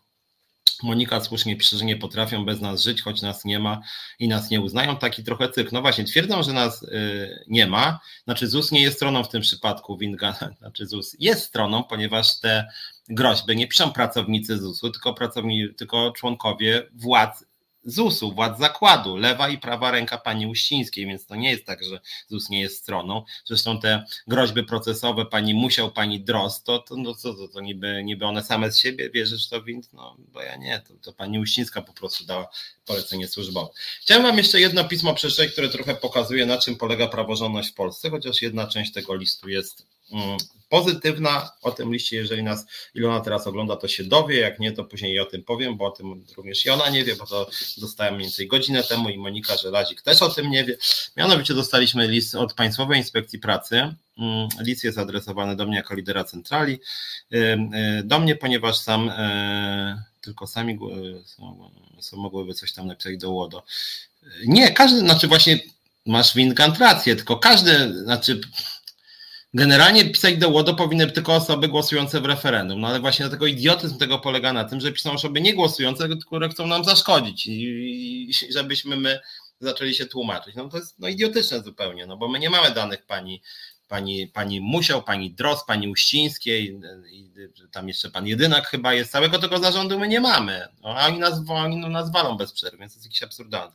Ale chciałem, słuchajcie, ten list, który dostałem od Państwowej Inspekcji Pracy. I słuchajcie, ja napisałem do Państwowej Inspekcji Pracy odnośnie dyskryminacji naszego związku, odnośnie utrudniania blokowania sporu zbiorowego, odnośnie zwolnienia dyscyplinarnego Ilony Garczyńskiej, odnośnie dyskryminowania naszego związku w rozmowach, odnośnie tego, że w ogóle nie uznawano naszego związku przez wiele tygodni, nie uznawano naszego zarządu i wypisałem do inspekcji pracy wiele zarzutów e, dotyczących w ogóle łamania praw pracowniczych przez panią e, prezes Uścińską. I teraz tak, Państwowa Inspekcja Pracy, Okręgowy Inspektor Pracy, Inspektorat Pracy w Warszawie odpisuje. Uprzejmie informuję, że zgłaszane przez Pana nieprawidłowości dotyczące współpracy pracodawcy, to jest Zakładu Ubezpieczeń Społecznych ze Związkiem Zawodowym Związkowa Alternatywa, będą przedmiotem postępowania kontrolnego jedynie w zakresie kompetencji przypisanej organom Państwowej Inspekcji Pracy. Po zakończeniu czynności kontrolnych planowany termin przeprowadzenia kontroli to 30 listopada 2022. Odrębnym pismem zostanie Pan poinformowany o poczynionych ustaleniach kontrolnych. Czyli słuchajcie, czyli y, PIP powiedział, że zajmie się, zajmie się nie było, tylko Winkant pisał o jakimś y, pozwie dotyczącym referendum. Nie, nie było pozwu dotyczącego referendum. Referendum jest zawsze legalne. E, jest prawem związków zawodowych. Natomiast wracając do tego, co napisał e, Inspekcja Pracy. Otóż Inspekcja Pracy napisała, że zajmie się tym, co jest w zakresie kompetencji przypisanej organem PIP-u. Z pisma wynika, że zajmą się zwolnieniem dyscyplinarnym Ilony Garczyńskiej. Oczywiście się bardzo cieszymy. Natomiast później czytamy, w zakresie sporów zbiorowych uprzejmie informuje, że ustawa nie przewidziała udziału inspektora pracy w poszczególnych etapach sporu zbiorowego, ani nie upoważniła go do oceny legalności wszczęcia czy prowadzenia sporu zbiorowego. Natomiast z uwagi na to, iż ustawa o rozwiązywaniu sporów zbiorowych nie reguluje przypadków rozbieżności w ocenie legalności żądań oraz nie wskazuje organu, który byłby uprawniony do rozstrzygnięcia, czy przedstawione żądania mogą być przedmiotem sporu zbiorowego, kwestia ta może zostać na przykład rozstrzygnięta przez sąd w ramach powództwa ustalenie tam na podstawie kodeksu postępowania cywilnego. Czyli o co chodzi? Na polski przekładając, wiem, część z Was może nie rozumieć o co chodzi. Czyli krótko mówiąc, inspekcja pracy nie zajmie się tym, że pani Uścińska literalnie łamie ustawę o rozwiązywaniu sporów zbiorowych, bo to nie jest sprawa PIP-u. I teraz pytanie, czyja to jest sprawa? Dla prokuratury to jest za małe. Dla PIP-u to jest za duże. Więc radzą nam iść do sądu. Sprawa sądowa trwa miesiącami. E, I później tak, po otrzymaniu pisma informującego o wstąpieniu w spór zbiorowy, okręgowy inspektor pracy ma obowiązek zarejestrować go. Zarejestrowali nasz spór zbiorowy na tle płacowym, bo przypominam, myśmy zażądali 60% podwyżki, a pani Uścińska powiedziała, że ona nie uznaje tego, bo jej się nie chce. Chociaż w ustawie jest jasno napisane, że ma obowiązek to uznać. W toku trwania sporu zbiorowego jest to jedyne działanie, do którego upoważniony, uprawniony jest organ Państwowej Inspekcji Pracy. To tyle. Czyli jakby to y, mają, jakby to, to uważa, że to jest nie ich sprawa. Przepis artykułu 35 ustawy o związkach zawodowych penalizuje naruszenia wolności. To i tutaj inspekcja pracy nam podpowiada ewentualnie. Przepis artykułu 35 ustawy z dnia 23 maja 91 o związkach zawodowych penalizuje naruszenia wolności związkowych bądź też ich gwarancji w stosunkach zatrudnienia, a ewentualne zawiadomienia organów ścigania o powyższych naruszeniach może być kierowane przez uprawnioną organizację związkową, czyli przez nas. W przypadku przestępstw przeciwko prawom związkowym związek zawodowy korzysta z uprawnień pokrzywdzonego. I teraz Państwowa Inspekcja Pracy powołana jest do sprawowania nadzoru i kontroli przestrzegania prawa pracy, natomiast nie może wkraczać w zakres kompetencji zastrzeżonych przez ustawodawcę na rzecz innych organów, w tym prokuratury czy sądu. Krótko mówiąc, Inspekcja Pracy nie zajmie się również tym, że e, ZUS utrudnia nam działanie. Dałem Wam to jako przykład, że w Polsce rzeczywiście bardzo trudno szybko załatwić sprawę, natomiast podpowiedzieli nam trochę, że możemy ścigać ZUS również karnie za utrudnianie działalności związkowej. Prawdopodobnie to zrobimy. Natomiast y, mówię to też trochę jako polityk, powiedzmy, jako lider związkowy, że rzeczywiście procedury prawne naprawdę powinny być bardzo uproszczone. Nie powinno być tak, że pani Uścińska, udając głupiego, łamie na masową skalę y, ustawę o związkach zawodowych, nie uznaje związku zawodowego, y, nielegalnie zwalnia dyscyplinarnie liderkę związkową, nie uznaje sporu zbiorowego, co jest literalnie sprzeczne z prawem. Przez dwa miesiące w ogóle nie uznaje władz związku, który, którego wybory są sprawą związku i się śmieje w twarz. Po czym czytamy od inspekcji pracy, to podajcie sobie ich do sądu. Sprawy sądowe trwają tak od półtora roku w górę. Krótko mówiąc, jeżeli pracodawca ma bardzo dużo złej woli i ma prawo w pogardzie, to może konsekwentnie i bezkarnie bardzo długo utrudniać działalność związków zawodowych. Więc mi się wydaje, że w tak zwanej ojczyźnie Solidarności coś tu jest nie tak że jeżeli pracodawca ma bardzo dużo złej woli, to naprawdę może blokować e, działalność związku zawodowego, dlatego że z tym referendum strajkowym, o czym dzisiaj powiedziałem, to jest kolejny jawny przykład bezprawia. W ustawie jest zapisane, że związek zawodowy ma pełne prawo do referendum strajkowe. E, my, my, my, sam ZUS nam mówił, że bez referendum strajkowego nasz strajk byłby nielegalny, w związku z tym my mówimy, ok, to zrobimy referendum strajkowe, po czym ZUS mówi, a my wam będziemy utrudniać wszelkimi możliwymi środkami. A my, no ale jak to, przecież macie prawo. Może i łamiemy. No i co nam zrobicie? Będziemy utrudniać i wam się nie uda. No nie powinno chyba tak demokratyczne państwo prawa funkcjonować. Dobra, słuchajcie, y, y, o tych wszystkich sprawach myślę, że Ilona wam opowie mm, za tydzień czy dwa. E, za tydzień czy dwa też jeszcze raz tutaj zajrzy nasz e, lider kierowców koło brzegu.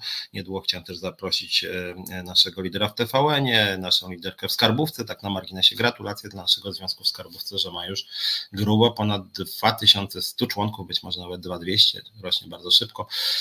Przyjęliśmy też nowy związek zawodowy jako związkowa alternatywa w Wielkopolskim Muzeum Niepodległości. Taka ciekawa instytucja. No, w każdym razie rozwijamy się. Dobra, słuchajcie, bardzo, bardzo Wam dziękuję. Widzimy się i słyszymy za tydzień w szerszym gronie. Dzisiaj tak chciałem trochę powiedzieć o problemach. Głównie chodziło o ten Kościół, tak? Że jako lider związkowy jestem krytyczny wobec przywilejów Kościoła, nie tylko dlatego, że ja za Kościołem po prostu nie przypadam, ale dlatego, że postępowe związki zawodowe mm, mają zupełnie inny model państwa, społeczeństwa, rynku pracy niż Kościół katolicki. Po prostu to jest inna, zupełnie inna, sprzeczna, inna wizja. Jedna z drugą jest po prostu sprzeczna. Związkom zawodowym nie po drodze z Kościołem. Moim zdaniem, przynajmniej tym postępowym. Dobra, dziękuję. Na razie.